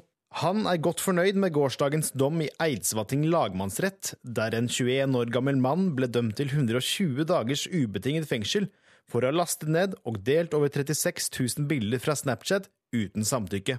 En dom som ifølge Kripos er den første av sitt slag i Norge. Det er viktig at vi har fått en dom som eh, virkelig eh, viser at denne type atferd på nett ikke er greit. Og Den dommen tror jeg kan virke preventivt, sånn at folk skjønner alvoret i det de holder på med. Men han mener også at denne dommen kommer på overtid. Det har vokst fram en kultur som har fått lov til å utfolde seg litt for lenge. Og det syns jeg er litt problematisk. At uh, det har gått så lang tid før man har satt ned foten og sagt at det her ikke er greit lenger. For ifølge Tessem får slettmeg.no rundt 500 henvendelser i året alene om uønsket bildebruk. Statsadvokat Kirsti Guttormsen poengterer at lagmannsretten med denne dommen mener at dette er et økende samfunnsproblem, og at spredning av bilder uten samtykke er et integritetsbrudd. Det gir en, en viktig signaleffekt overfor de, som, de personer som publiserer og og tilegner seg slike bilder. Som lagmannsretten eh, også da sier, er at dette er en såpass alvorlig sak at det må reageres med ubetinget fengsel. Den dømtes advokat, Ida Andenes, har ikke besvart NRK sine henvendelser mandag, men i en SMS til Dagens Næringsliv skriver hun at det vurderes å anke den ikke rettskraftige dommen. Reporter var Nikolai Volsdal. Norges Bank er 200 år, og Nasjonalmuseet markerer det ved å låse opp banken for barn mellom 8 og 12 år. Utstillingen Lås opp forteller om bankens arkitektur og historie. Det lyder i utgangspunktet ikke som noe veldig barnevennlig tema, egentlig. Mona Pale Bjerke, du er kunstkritiker her i NRK. Hvordan er det løst? Ja, De har gitt det da en rammefortelling som handler om eh, stortyven Ole Høiland, som faktisk da brøt seg inn i nettopp eh, Norges Bank, den bygningen og det hvelvet hvor denne utstillingen eh, vises. Og Derfra så stjal han 64 100 spesidaler, som tilsvarer noe sånt som 15-20 millioner i dag. Og disse pengene gravde han, han rundt da, i jorden rundt om i byen. Og noen av disse pengene er jo ennå ikke funnet. Sånn at når vi får denne fortellingen i innledningen til utstillingen, så har vi allerede denne lille sånn Wow, hvis jeg begynner å grave et sted, så kanskje jeg kommer over en gammel pengeskatt. Så her har de liksom gitt oss en ganske eventyrlig inngang til dette, som du sier, kanskje litt i utgangspunktet tørre stoffet. Mm. Men utstillingen handler om bankens historie og arkitektur. Hvordan er det formidla? Ja, De har jo da gjort, gjort, det på en veldig fin og enkel måte. Dette er jo da for barn mellom 8 og 12 år. Og da har de laget sånne animasjonstegnefilmer. Når man er inne i eh, utstillingen, så kan man da berøre en skjermprojeksjon på veggen og velge historie eller arkitektur. Og da hvis man går, tar historie, så blir man ledet på en veldig enkel og grei og effektiv og ikke minst humoristisk måte inn i den norske økonomiske historien, egentlig. Fra liksom fisk og tømmer til jordbruk jordbruk og olje. Og så kan man også velge arkitektur, og da får man se liksom stilepokene fra nyklassisisme til jugendstil til modernisme. Eh, med da eksempler fra Norges Banks filialer og vise at de bærer i seg hele dette spekteret, dette stilhistoriske spekteret. Så her kan man veldig, veldig humoristisk, veldig lett og med veldig tydelige knagger på stilhistorien, som jeg tror også voksne kan sette pris på. Mm. Har utstillingen mer å by på? Absolutt. De har liksom, med, med denne mestertyven eh, som bakteppe, så har de laget utstillingen om til en slags lite skattekammer. Så det er små opplyste avlukker eh, som du kan kikke inn i. Der kan du se f.eks. falske seddelbunker. Eh, fra Norges Bank i Fredrikstad, som ble laget et forsøk på å underslå penger i 1929. Du kan se lodd, du kan se vekter fra den tiden hvor det var en viktig oppgave for banken å veie sølv. Du kan prøve å bære en gullbarre. Eh, masse forskjellig som du kan se i disse små avlukkene. Så her er liksom, Og så kan du også sette deg inn i seddelproduksjonen gjennom tiden og se gamle sedler.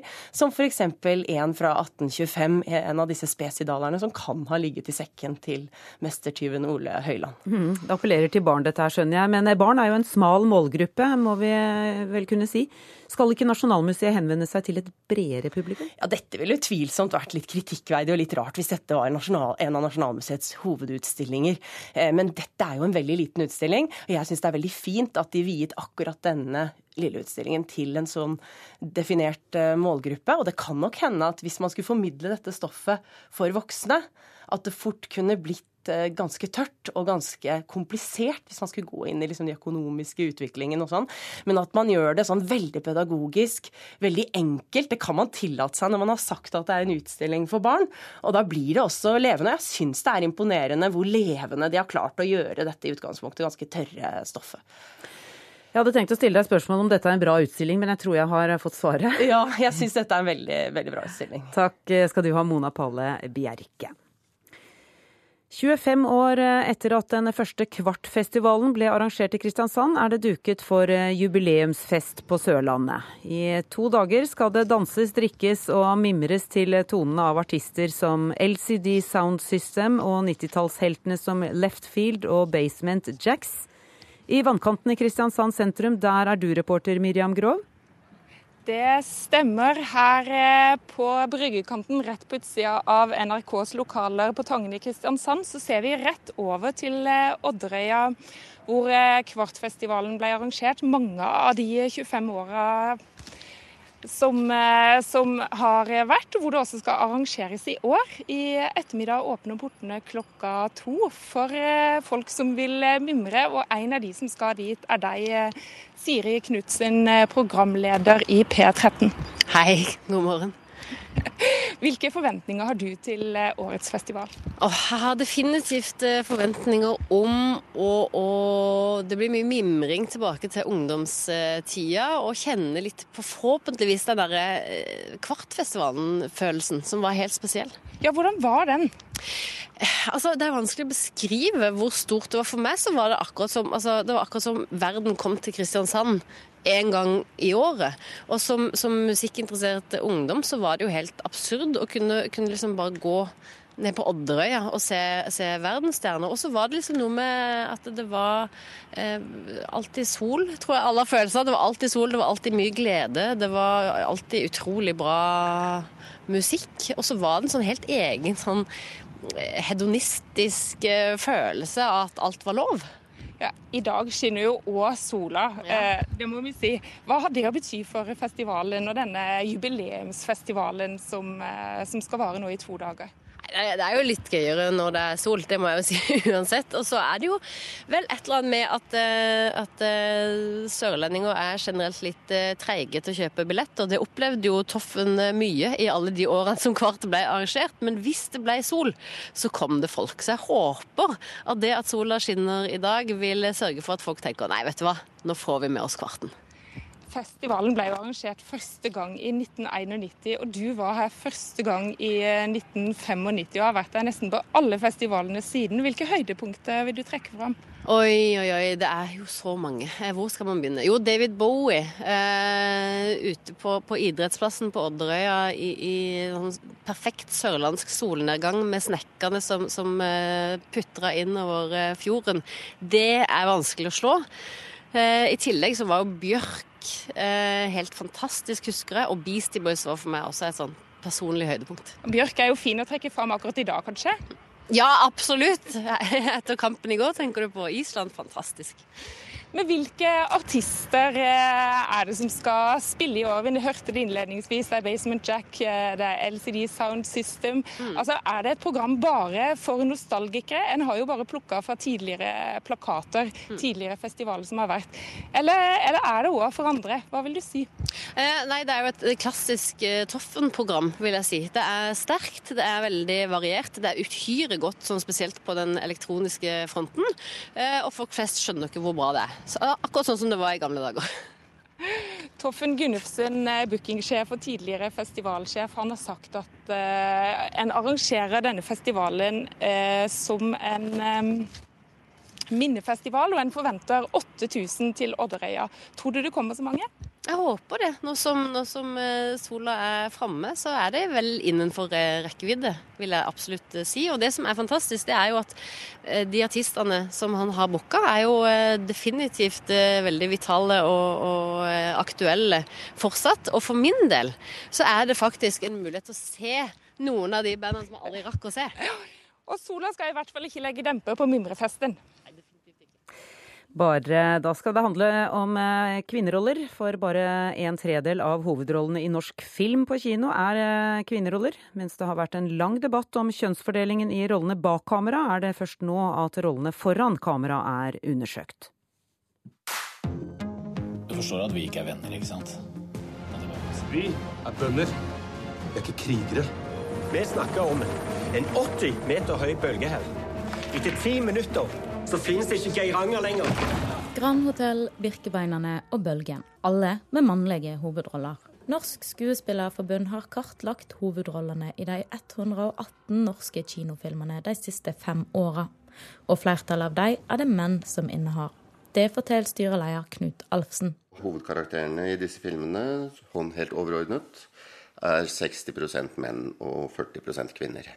Og i de filmene hvor det bare er én hovedkarakter, en tredjedel bare som er kvinnelige hovedkarakterer, mens to tredjedeler er mannlige hovedkarakterer. Skuespiller og styremedlem Maria Bock mener det er for få. Så er det jo en systematisk skjevfordeling som vi veldig gjerne skulle ha gjort noe med. Men hvorfor er det slik? Det fremdeles dessverre er sånn at det er først og fremst menn som skriver roller og regisserer og er på produsentsida. Uh, og da mangler det kanskje den fantasien til å komme opp med å tenke litt nytt og annerledes. Sier professor i filmvitenskap Anne Gjelsvik. Og derfor spør vi en mannlig regissør. Erik Poppe mener ansvaret ikke bare skal ligge på kvinnene. Og det vil ta tid å få det antallet med kvinnelige filmskapere på plass. Så den, den jobben må mennene ta tak i nå. Og medan Skuespillerforbundet ønsker at kvoteringa òg skal gjelde hovedrollene. Så fort det er en kvinne i en rolle, så blir hun ei kvinne. Så de breie kommersielle filmene så legger produsentene eh, vekt på at de skal nå mange. Og da eh, har man hatt en tendens til å tro at eh, det betyr menn i hovedrollen. Jeg, jeg tror vel i hvert fall at eh, hvis man lager god film og gode, interessante roller, så klarer man å selge en film selv om det er en, en kvinnelig actionhelt. Kunne du tenkt deg å spille den? Er du gal? Selvfølgelig. Reporter var Maria Pile Svåsand. Og Norsk Filminstitutt sier de vil komme med sine planer for kvinneandelen i filmbransjen i en ny handlingsplan i morgen. Et bedehus i Bergen som stengte dørene i 1975, gjenåpner som gudshus for Allah. Det skriver Bergens Tidende. Bergen muslimske forening har kjøpt eh, Hop bedehus og skal pusse det opp på dugnad. Huset skal brukes til koranundervisning og leksehjelp. Generalsekretær Erik Furnes i Indremisjonsforbundet sier til avisa at det skjærer i hjertet at en annen religion tar gudshuset i bruk, men at livet går videre. Du lytter til Nyhetsmorgen i P2 Alltid nyheter. Produsent i dag er Ingvild Rystad. Teknisk ansvarlig Hanne Lunås.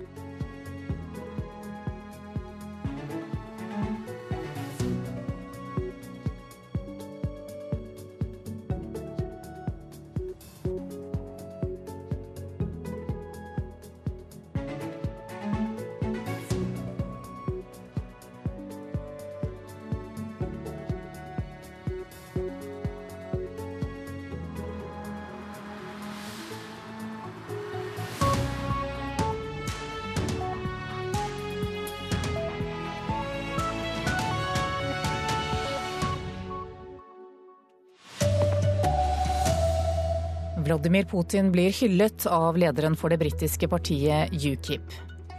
Norske selskaper må ha bedre kontroll på underleverandørene sine, mener Tekna, etter varsler om lovbrudd. Her er NRK Dagsnytt klokka 8.30 ved Anne Jetlund Hansen. Lederen for det innvandringsskeptiske partiet UKIP i Storbritannia hyller Russlands president etter britenes EU-valg. I et intervju med amerikanske Fox News i går kritiserte samtidig Nigel Farage USAs president for å ha forsøkt å true britene før valget. We want our country back, Yeah. and we voted for it, and we've got it back. Vi sa at vi ville ha landet vårt tilbake, stemte for det og fikk det, jubler Nigel Farage til Fox News i USA. Under TV-intervjuet i går benyttet lederen for det innvandringskritiske partiet UKIP sjansen til å lange ut mot amerikanernes president og hylle russernes Vladimir Putin. Vladimir Putin behaved in a more statesmanlike manner than President Obama did Vladimir Putin opptrådte langt mer som en statsmann enn president Obama under dette valget. Obama kom til Storbritannia og oppførte seg svært dårlig ved å si at vi havnet bakerst i køen, og behandlet oss, USAs sterkeste og eldste allierte, på denne svært ekstraordinære måten, mens Putin var stille under hele kampanjen, sier Nigel Farage. Reporter her var Charlotte Bergløff.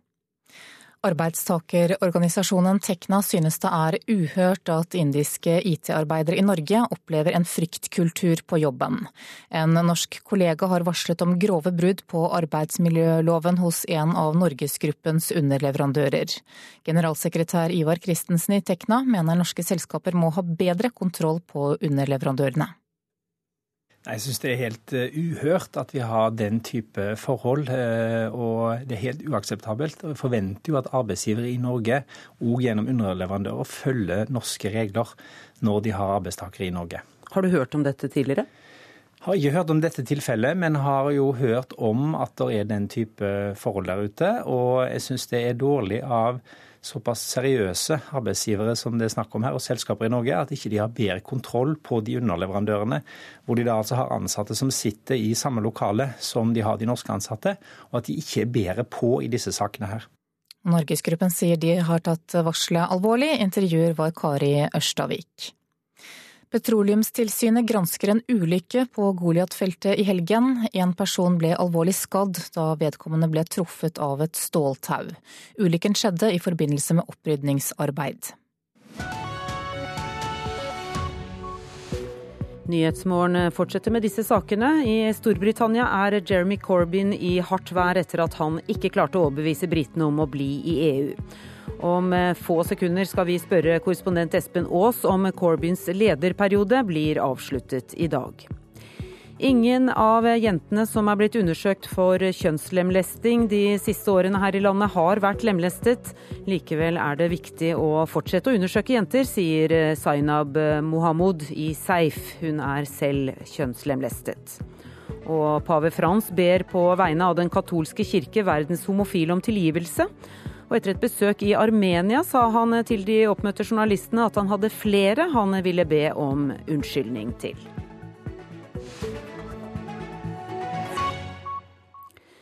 I Storbritannia fortsetter den politiske oppvasken etter britenes avgjørelse om å forlate EU. I dag skal Labours representanter i Underhuset i parlamentet stemme over et mistillitsforslag mot partiledelsen. Jeremy Corbyn er altså i hardt vær, og brorparten av medlemmene i skyggeregjeringen hans har vendt ham ryggen. Korrespondent Espen Aas, blir Corbyns lederperiode avsluttet i dag? Nei, men det er stor, stor mulighet for at opprørerne vinner frem med å tvinge frem et nyvalg av leder. Fordi motstanden er såpass stor mot ham innad i hans egen gruppe. En av hans tidligere støttespillere, som tilhører den samme venstre fraksjonen om du vil, i partiet, trakk seg også nå fra skyggeregjeringen etter å ha forhørt seg med sine lokale politiske medlemmer og aktivister. Og sier at jeg tror ikke lenger at dette er mannen som skal lede oss. Så han har også trukket seg. Men jeg var oppe på Parliament Square utenfor Westminster i går kveld. Der var det en kjempemassemønstring til støtte for Jeremy Corbyn. Og det er ingen, ingen tvil om at blant fagforeningsmedlemmer og i andre organisasjoner så er Jeremy Corbyn veldig populær. Det er han de vil ha. Dette er en del av Labour som har vært nærmest partiløse under årene med Tony Blair og Gordon Brown, da partiet gikk mot Høyre. Og de føler at de har fått tilbake en som snakker deres språk nå. Mens innad i den parlamentariske gruppen så mener de at dette er feil mann. Det er ikke en som er ute på venstresiden som folk vil velge inn som statsminister i det neste parlamentsvalget. Ja, det var eh, Labour. I de konservatives leir er det nå klart at finansminister George Osborne ikke vil forsøke å fylle Camerons sko. Theresa May seiler nå opp som favoritt der, og hvem er hun? Hun er innenriksminister i Camerons eh, regjering, en hardtslående sådan. Hun har ofte blitt sammenlignet med tidligere statsminister Margaret Thatcher i sin noe bitende stil. Hun var eh, på siden av de som ville at Storbritannia skulle være med i EU. Men jeg har også hørt henne tale mange ganger med veldig kritiske bemerkninger til EU. Ikke minst når det gjelder eh, arbeidsinnvandring, ikke minst når det gjelder eh, menneskerettigheter osv. Så, videre. så hun er nok mer spiselig for de som tilhørte utsiden enn mange av de andre folkene som har jobbet rundt Cameron. Og en meningsmåling i The Times i dag viser at hun er faktisk mer populær enn Boris Johnson, så vidt det er når man spør hele partigrunnlaget. Og hun er definitivt mer populær dersom du spør de folkevalgte i parlamentet. De mener at hun er en mer samlende kandidat, og at Boris Johnson nok kanskje vil være mer splittende. Mm. Det er varslet demonstrasjoner i London i dag. Hva kan vi vente oss? Ja, Det er jo nesten aldri en dag uten demonstrasjoner i London, for så vidt. Men det er jo demonstrasjoner for fortsatt medlemskap i EU. Det er fortsatt stor frustrasjon blant londonere, hvor så mange ønsket å fortsatt være med. Og det skal være en massemønstring på Trafalgar Square til støtte for dette, selv om dette slaget nok er tapt nå.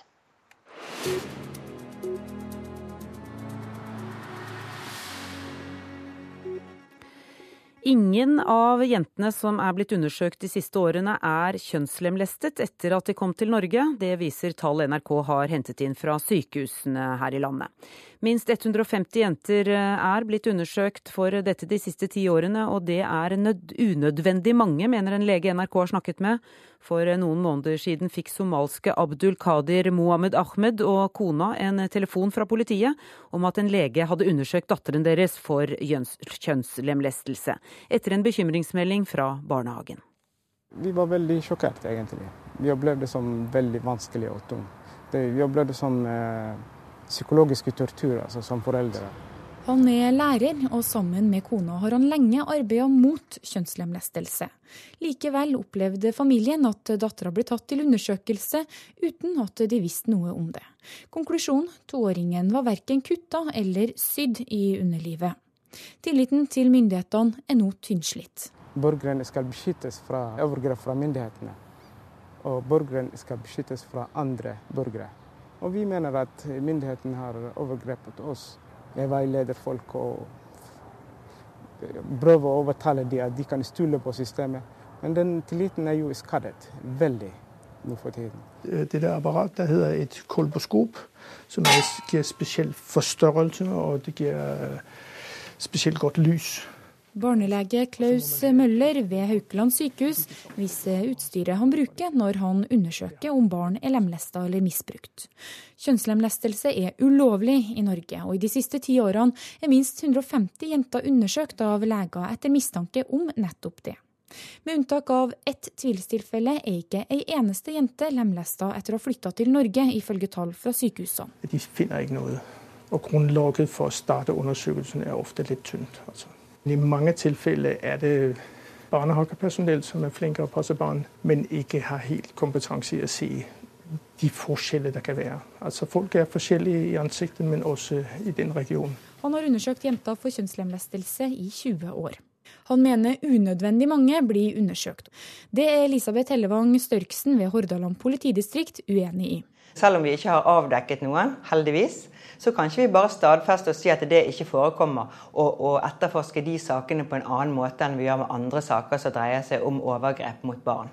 Det er jo det samme som hvis det er mistanke om seksuelle overgrep mot et barn. Så vil vi jo også gjøre det på den måten. Og det er av hensyn til barnet, av hensyn til det beste for barnet. De kunne bare snakke med, med foreldrene og stole på dem hvis de sier at de har ikke omskåret jentene. Han har nå tatt dattera ut av barnehagen. Systemet er bygget på tillit. sant? Så hvis, kan, hvis myndighetene kan ikke stole på meg, hvordan kan jeg stole på dem? Reportere var Mikael Lerøen og Marit Gjelland. Zainab Mohammed jobber for selvhjelp for innvandrere og flyktninger, SEIF i Tromsø. Hun er en av de første som sto fram som kjønnslemlestet her i landet, og mener det er viktig med disse undersøkelsene.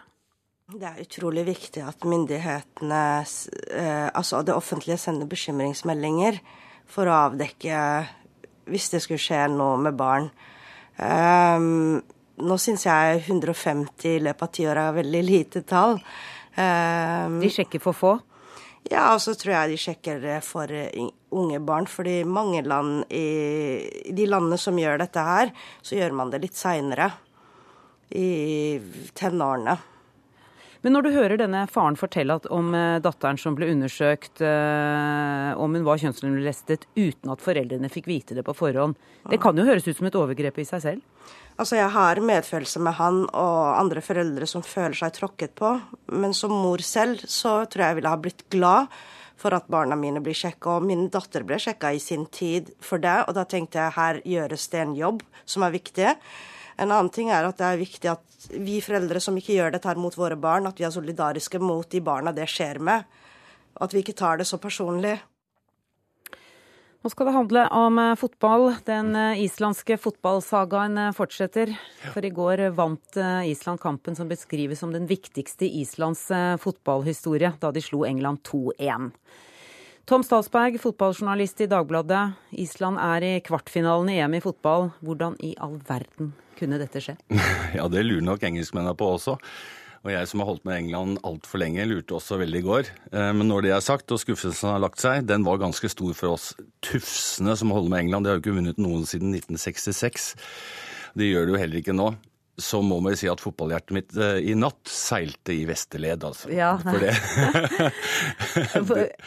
For det er jo helt eh, man kaller, det er, Men det er også en his, his, litt historie med varslet suksess. For Island har drevet eh, i 2012 Jeg leste en artikkel i Josemar som eh, Mimir Kristiansson i Klassekampen skrev der, om islandsk fotball. Så var de helt nede. Det er fire år siden. Da vant de én kamp mot Kypros i regnvær. Og var rangert som nummer 132 i Fifa. Men de hadde et ungdomslandslag som hadde kommet på femteplass året før. Så de har en såkalt gyllen generasjon. Mm. Og så har de ansatt en, uh, svenske som minner meg litt om uh, blanding av Nils Arneggen og veldig mye Drillo. Som har fått til, Det er mange faktorer her. Organiserte. Og så er det om barnefotball. De har satsa med fasiliteter. Og jeg var og så Portugal-Island eh, live. Eh, å være med det islandske blåe havet helt fantastisk. De har noen kamprop som gjør at Det var vel derfor nordmennene dro over i sin tid, tenker jeg. ja, de har noen supportere som ja, er, er utrolig entusiastiske. Men så må du se det som skjer på banen. Ja. Men du, hvordan vil du eh, rangere denne seieren blant eh, andre store fotballsensasjoner? Nei, altså I Norden så har du jo sånn Drillo sier Det er en som gleder seg veldig i Norge. Det er Egil Drillo Olsen. For dette er fotbalveteranens hjerne med soneforsvar og alt sånt. Men vi må ikke glemme at det var Danmark gjorde i 92. Da vant de hele EM. De skulle egentlig vært hjemme og var vel egentlig litt på ferie. For det var jo da også usikre tider i Europa med borgerkrig i Jugoslavia, så de ble ekskludert. Danskene kom inn og vant. Og så har vi jo 98, da Norge slo Brasil. Men dette her med Island knøttlite øyrike som får til det her mot England, mot overbetalte spillere. Jeg tipper at én uh, engelsk spiller uten å nevne navn tjener vel like mye i året som brutto nasjonalprodukt på Island. Og det, altså, Jeg skjønner jo engasjementet hos selvsagt hos islendinger, men hos nordmenn også. Den såkalte klisjeen underdog. Sånn. Her har du virkelig en kennel med underdog som bare kommer ut og bare sier OK, vi spiller vår fotball, vi prøver ikke å være jålete, som man kan si om kanskje om det norske landslaget prøver litt. De vet hva de skal spille på. Hvor mye av æren kan eh, landslagssjefen til Island eh, ha, Lars eh, Lagerbäck? Det er mange som sier at han har kommet inn og fått til organisering, og han kjører. Han vet hva slags type spillere han har, men det er noe med moral, det er noe med disiplin, det er noe med, som engelskmennene bruker, som de kan bruke engelsk uttrykk, commitment. De, de var en spiller i går, så jeg, en, en tidligere Southampton-spiller som sa her ser du forskjellen på de som spiller for penger og de som spiller for landet sitt. Takk for at du kom til oss. Bare hyggelig. Tom Statsberg. Du hører på Nyhetsmorgen i NRK P2 og Alltid nyheter. Klokka er 8.45 der. Dette er hovedsaker i nyhetene nå.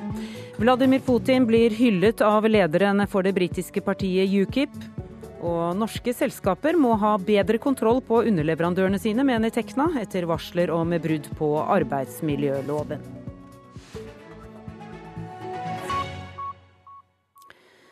Har vi klart å redusere inntaket av sukker, salt og mettet fett? Og spiser vi nok fisk, grønnsaker og frukt? Det er spørsmål vi håper å få svar på i dag, når forskningsrapporten Ung kost 3 legges fram. For første gang på 16 år foreligger det nå nye og omfattende forskningsresultater på norske 9- og 13-åringers mat- og måltidsvaner. Reporter Kristine Næss Larsen, du er på framleggelsen Folkehelse, på Folkehelseinstituttet. og Hvorfor er det så viktig å kartlegge hva barna spiser? Ja, Det spørsmålet det skal vi straks rette til en av de som skal være med på å presentere undersøkelsen som legges fram her på Folkehelsa klokka ni. Men foreløpig så er resultatene fra undersøkelsen eh, hemmelige. Vi får ikke vite noe før den blir lagt fram, altså nå om kort tid. Men vi kan jo høre litt eh, med deg, eh, overlege ved Folkehelseinstituttet Håkon Meier. Hvorfor er det så viktig å kartlegge hva barn spiser? Ja, Kostholdet det etableres tidlig i livet veldig ofte. og eh, Derfor er det viktig å få en god start. Så er det slik at Kostholdet det påvirker en rekke viktige risikofaktorer for sykdom. Eksempel er vekt, og blodtrykk, og kolesterol osv. Og så er det slik at Kostholdet i neste omgang påvirker utvikling av mange sykdommer som vi gjerne får senere i livet. Men fedmen den kommer jo ofte tidlig i livet, så derfor er jo kosthold hos barn veldig viktig med tanke på fedmeutviklingen. Og Vi har jo allerede vi har jo hørt at uh, denne undersøkelsen har blitt gjennomført uh, to ganger før. og Nå er det altså den tredje undersøkelsen. og I den forrige undersøkelsen, som kom for så mye som 16 år siden, så kom det jo fram at barn og unge i Norge fikk i seg uh, ganske store mengder sukker. Um, og på denne måten, Vi er jo spent på eh, hva resultatene viser ut fra årets undersøkelse. Men eh, på hvilken måte vil du si at disse undersøkelsene gir myndighetene et grunnlag for å, å iverksette tiltak? Den gangen så kom det fram som du sier, at sukkerinntaket var spesielt høyt hos barn og unge. og Det ble jo satt i gang en rekke tiltak. Og Vi ser nå eh, fra andre datakilder at inntak inntaket av f.eks. Eh, vanlig brus det har gått betydelig ned i den generelle befolkningen. Så nå er vi spente på å se på hva denne undersøkelsen viser. Videre så er det jo anbefalt at vi skal spise mye frukt og grønt, og vi skal spise mye fisk, og vi skal spise begrenset mengder med metta fett. Så det vil også være interessant å se hva denne undersøkelsen sier om disse kostholdsfaktorene. Da skal vi få i oss eh, litt eh, frukt til frokost, og så skal vi gå inn og høre på dere straks. Det var så, så langt herfra fra Folkehelsa. Takk skal du ha, reporter Kristine Næss Larsen. Pave Frans ber på vegne av Den katolske kirke verdens homofile om eh, tilgivelse. Etter et besøk i Armenia sa han til de oppmøtte journalistene at han hadde flere han ville be om unnskyldning til utenriksreporter Tom Christiansen. Hvem da? Ja, han nevnte opptil flere, men kanskje mer på som en representant for verdenssamfunnet. De fattige som eh, undertrykkes av de rike, og det blir flere og flere av dem. Kvinner som er blitt uh, utnyttet uh, i trafficking, og også innenfor kirken. Og ikke minst barn som er i arbeid, var det som han nevnte spesielt ved denne anledning. Mm.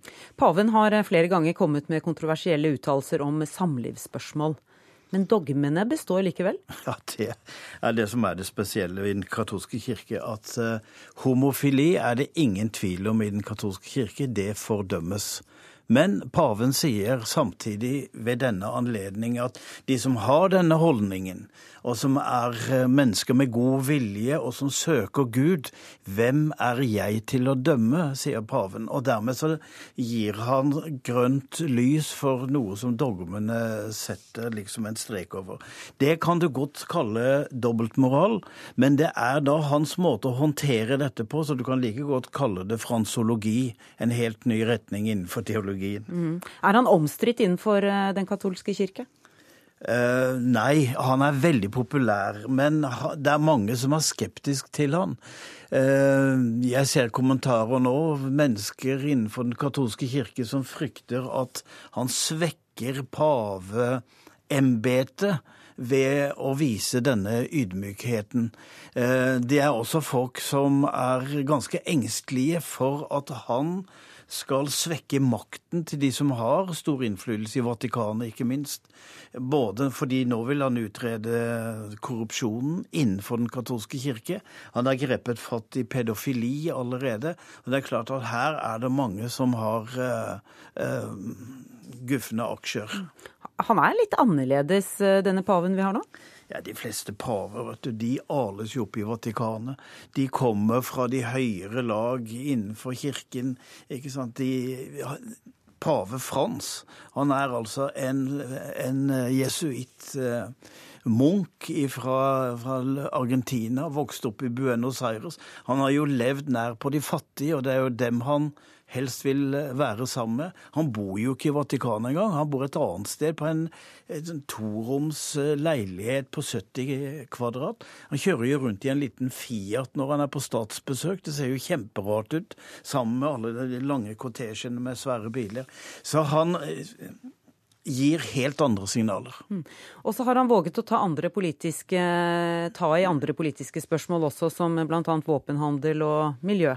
Ja, ikke minst. Våpenhandel har han jo holdt noen voldsomme eh, anklager, ikke minst mot de land som deltar i krig. Ikke minst i Syria har han vært skarp. Eh, og når det gjelder Europas ansvar for flyktninger, har han jo vært voldsomt skarp. Han dro jo til Lesbos for å besøke flyktninger. Tok med seg tolv av dem fra Syria hjem igjen til Vatikanet. Og alle sammen var muslimer. Han har også kritisert kapitalismen. Eh, men han gjør det ut fra ikke en politisk agenda, men en moralsk agenda. Pengebegjæret, begjær etter å eie, all, alle disse egenskapene som utfolder seg innenfor kapitalismen, og han kritiserer det eh, veldig. Han er vel kanskje den sterkeste moralske røst vi har i verden. Og det er pussig, for han kommer fra en kirke med pedofili og korrupsjon og mye vanstyre. Da skal vi skifte tema. I dag eh, skifter det norske redningsskipet Siem Pilot mannskap. Det skjer på Sicilia i Italia. Siem Pilot eh, inngår i EUs grensepatruljering i Middelhavet. Både båtmannskap, politi, soldater og legepersonell fra Norge er om bord. Og en av dem som nå trer av, det er deg, Geir Hillemarsen. Du er styrkesjef i Siem Pilot og er med oss på telefon fra Sicilia. Hvordan eh, har det vært de siste fire ukene? Ja, god morgen. Jeg må vel si at det har vært veldig mye dårlig vær. Mye vind, kraftig, kraftig sjø. Og, og pga. det langt færre redningsaksjoner enn, enn hva jeg kanskje hadde forventa. Vi har eh, vært i aksjon noen ganger, men, men, det har generelt vært ganske rolig. Det snudde imidlertid nå i forrige uke, på torsdag. Da roa været seg, og, og da braka det løs eh, med 43 redningsaksjoner på torsdag, og så har det fortsatt hver dag etterpå. Så eh, nå ser det ut som det blir travelt fremover. Mm. Hva, hva, skjer sånn rent praktisk når dere møter båtflyktningene til havs? Ja, Da har vi jo først eh, forberedt oss godt og klargjort mannskap og skip. Men eh, når vi fysisk får øye på, på de vi skal redde, så starter vi en prosess med med observasjon på langt hold og vurdering av, av eh, fremgangsmåten for, for, for, vår innsats. Da. Og Det er ut fra type fartøy og tilstand på denne, ut fra vær og vind, hvor mange det er om bord.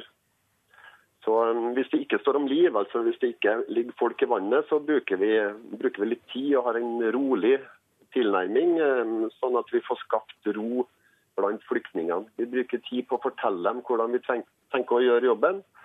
Ehm, og Når vi har skapt den roen, så starter vi med å dele ut redningsvester. Og, og starter først redning når alle er ikledd uh, utstyr, sånn at, uh, at, det, at, det, blir gjort på en trygg måte. Mm. Hvordan eh, forholder flyktningene seg til dere når dere kommer? Ja, generelt vil jeg si at de, de, forholder seg veldig godt til oss. De, de, langt de fleste ønsker å bli redda, og de er ofte kalde og forknytta. Så, så de ser nok eh, håpet når, når, vi kommer. Hvordan, for, hvordan, eh, opplever du forholdet båtflyktningene imellom når dere kommer? Er det amper stemning? Det er litt variert. Generelt så går det bra. Men jeg må si at min erfaring ut fra de, eh, de toktene jeg har vært på nå, så er det en stor, stor forskjell. De vi redder fra gummibåter utenfor Libya, de har lite og ingenting og er ordentlig glad for å bli redda, takknemlig, høre etter og oppføre seg ordentlig. Du, hva, tenker du mest på, hva tenker du mest på når du, når du legger deg om kvelden etter å ha tatt imot flyktninger i nød, kvinner og barn og Vet du, Da legger jeg meg med en god følelse. Jeg føler jeg har bidratt til, til noe positivt. Fordi eh, de her vi møter ute på havet, de, de trenger hjelpa vår. Man kan på en måte mene hva man vil om det kyniske bakteppet, men de vi redder ut på havet, de, de trenger hjelpa vår, og, og, det gir en skikkelig god følelse.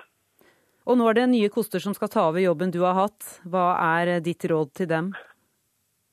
Ja, Ut fra værmeldinga og utviklinga de siste dagene, så, så, tror jeg det kommer til å bli travelt. så Derfor blir mitt råd til dem å bruke all ledig tid helt fra starten til forberedelser og scenariotenking og samkjøring av mannskapet i alle roller, sånn at de er klare til innsats med en gang de kommer i operasjonsområdet omtrent et døgn etter det går herfra.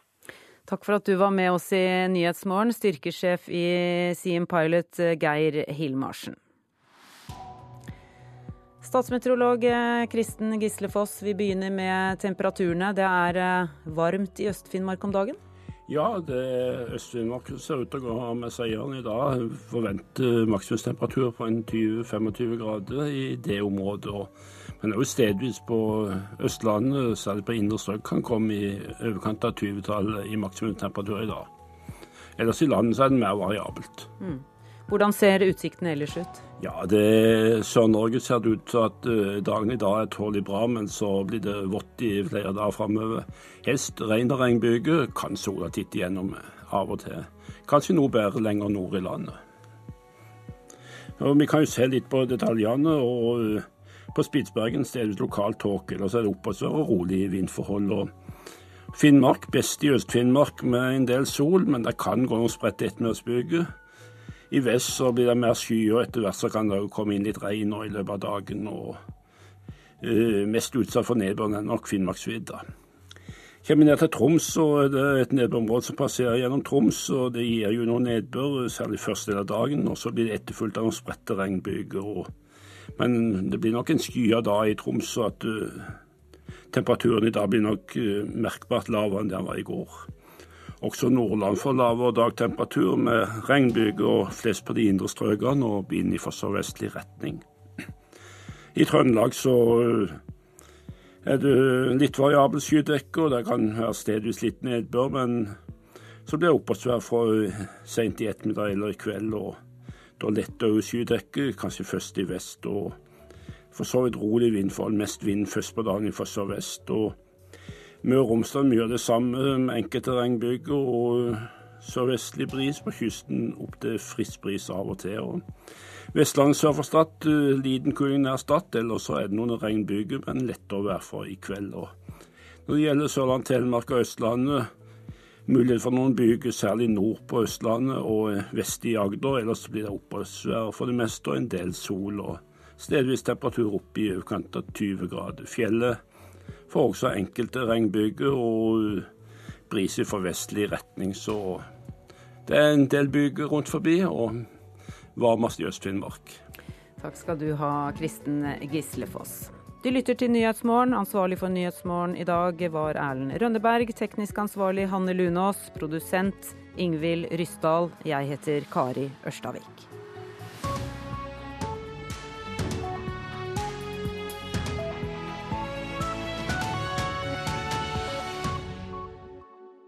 Hør flere podkaster på nrk.no podkast.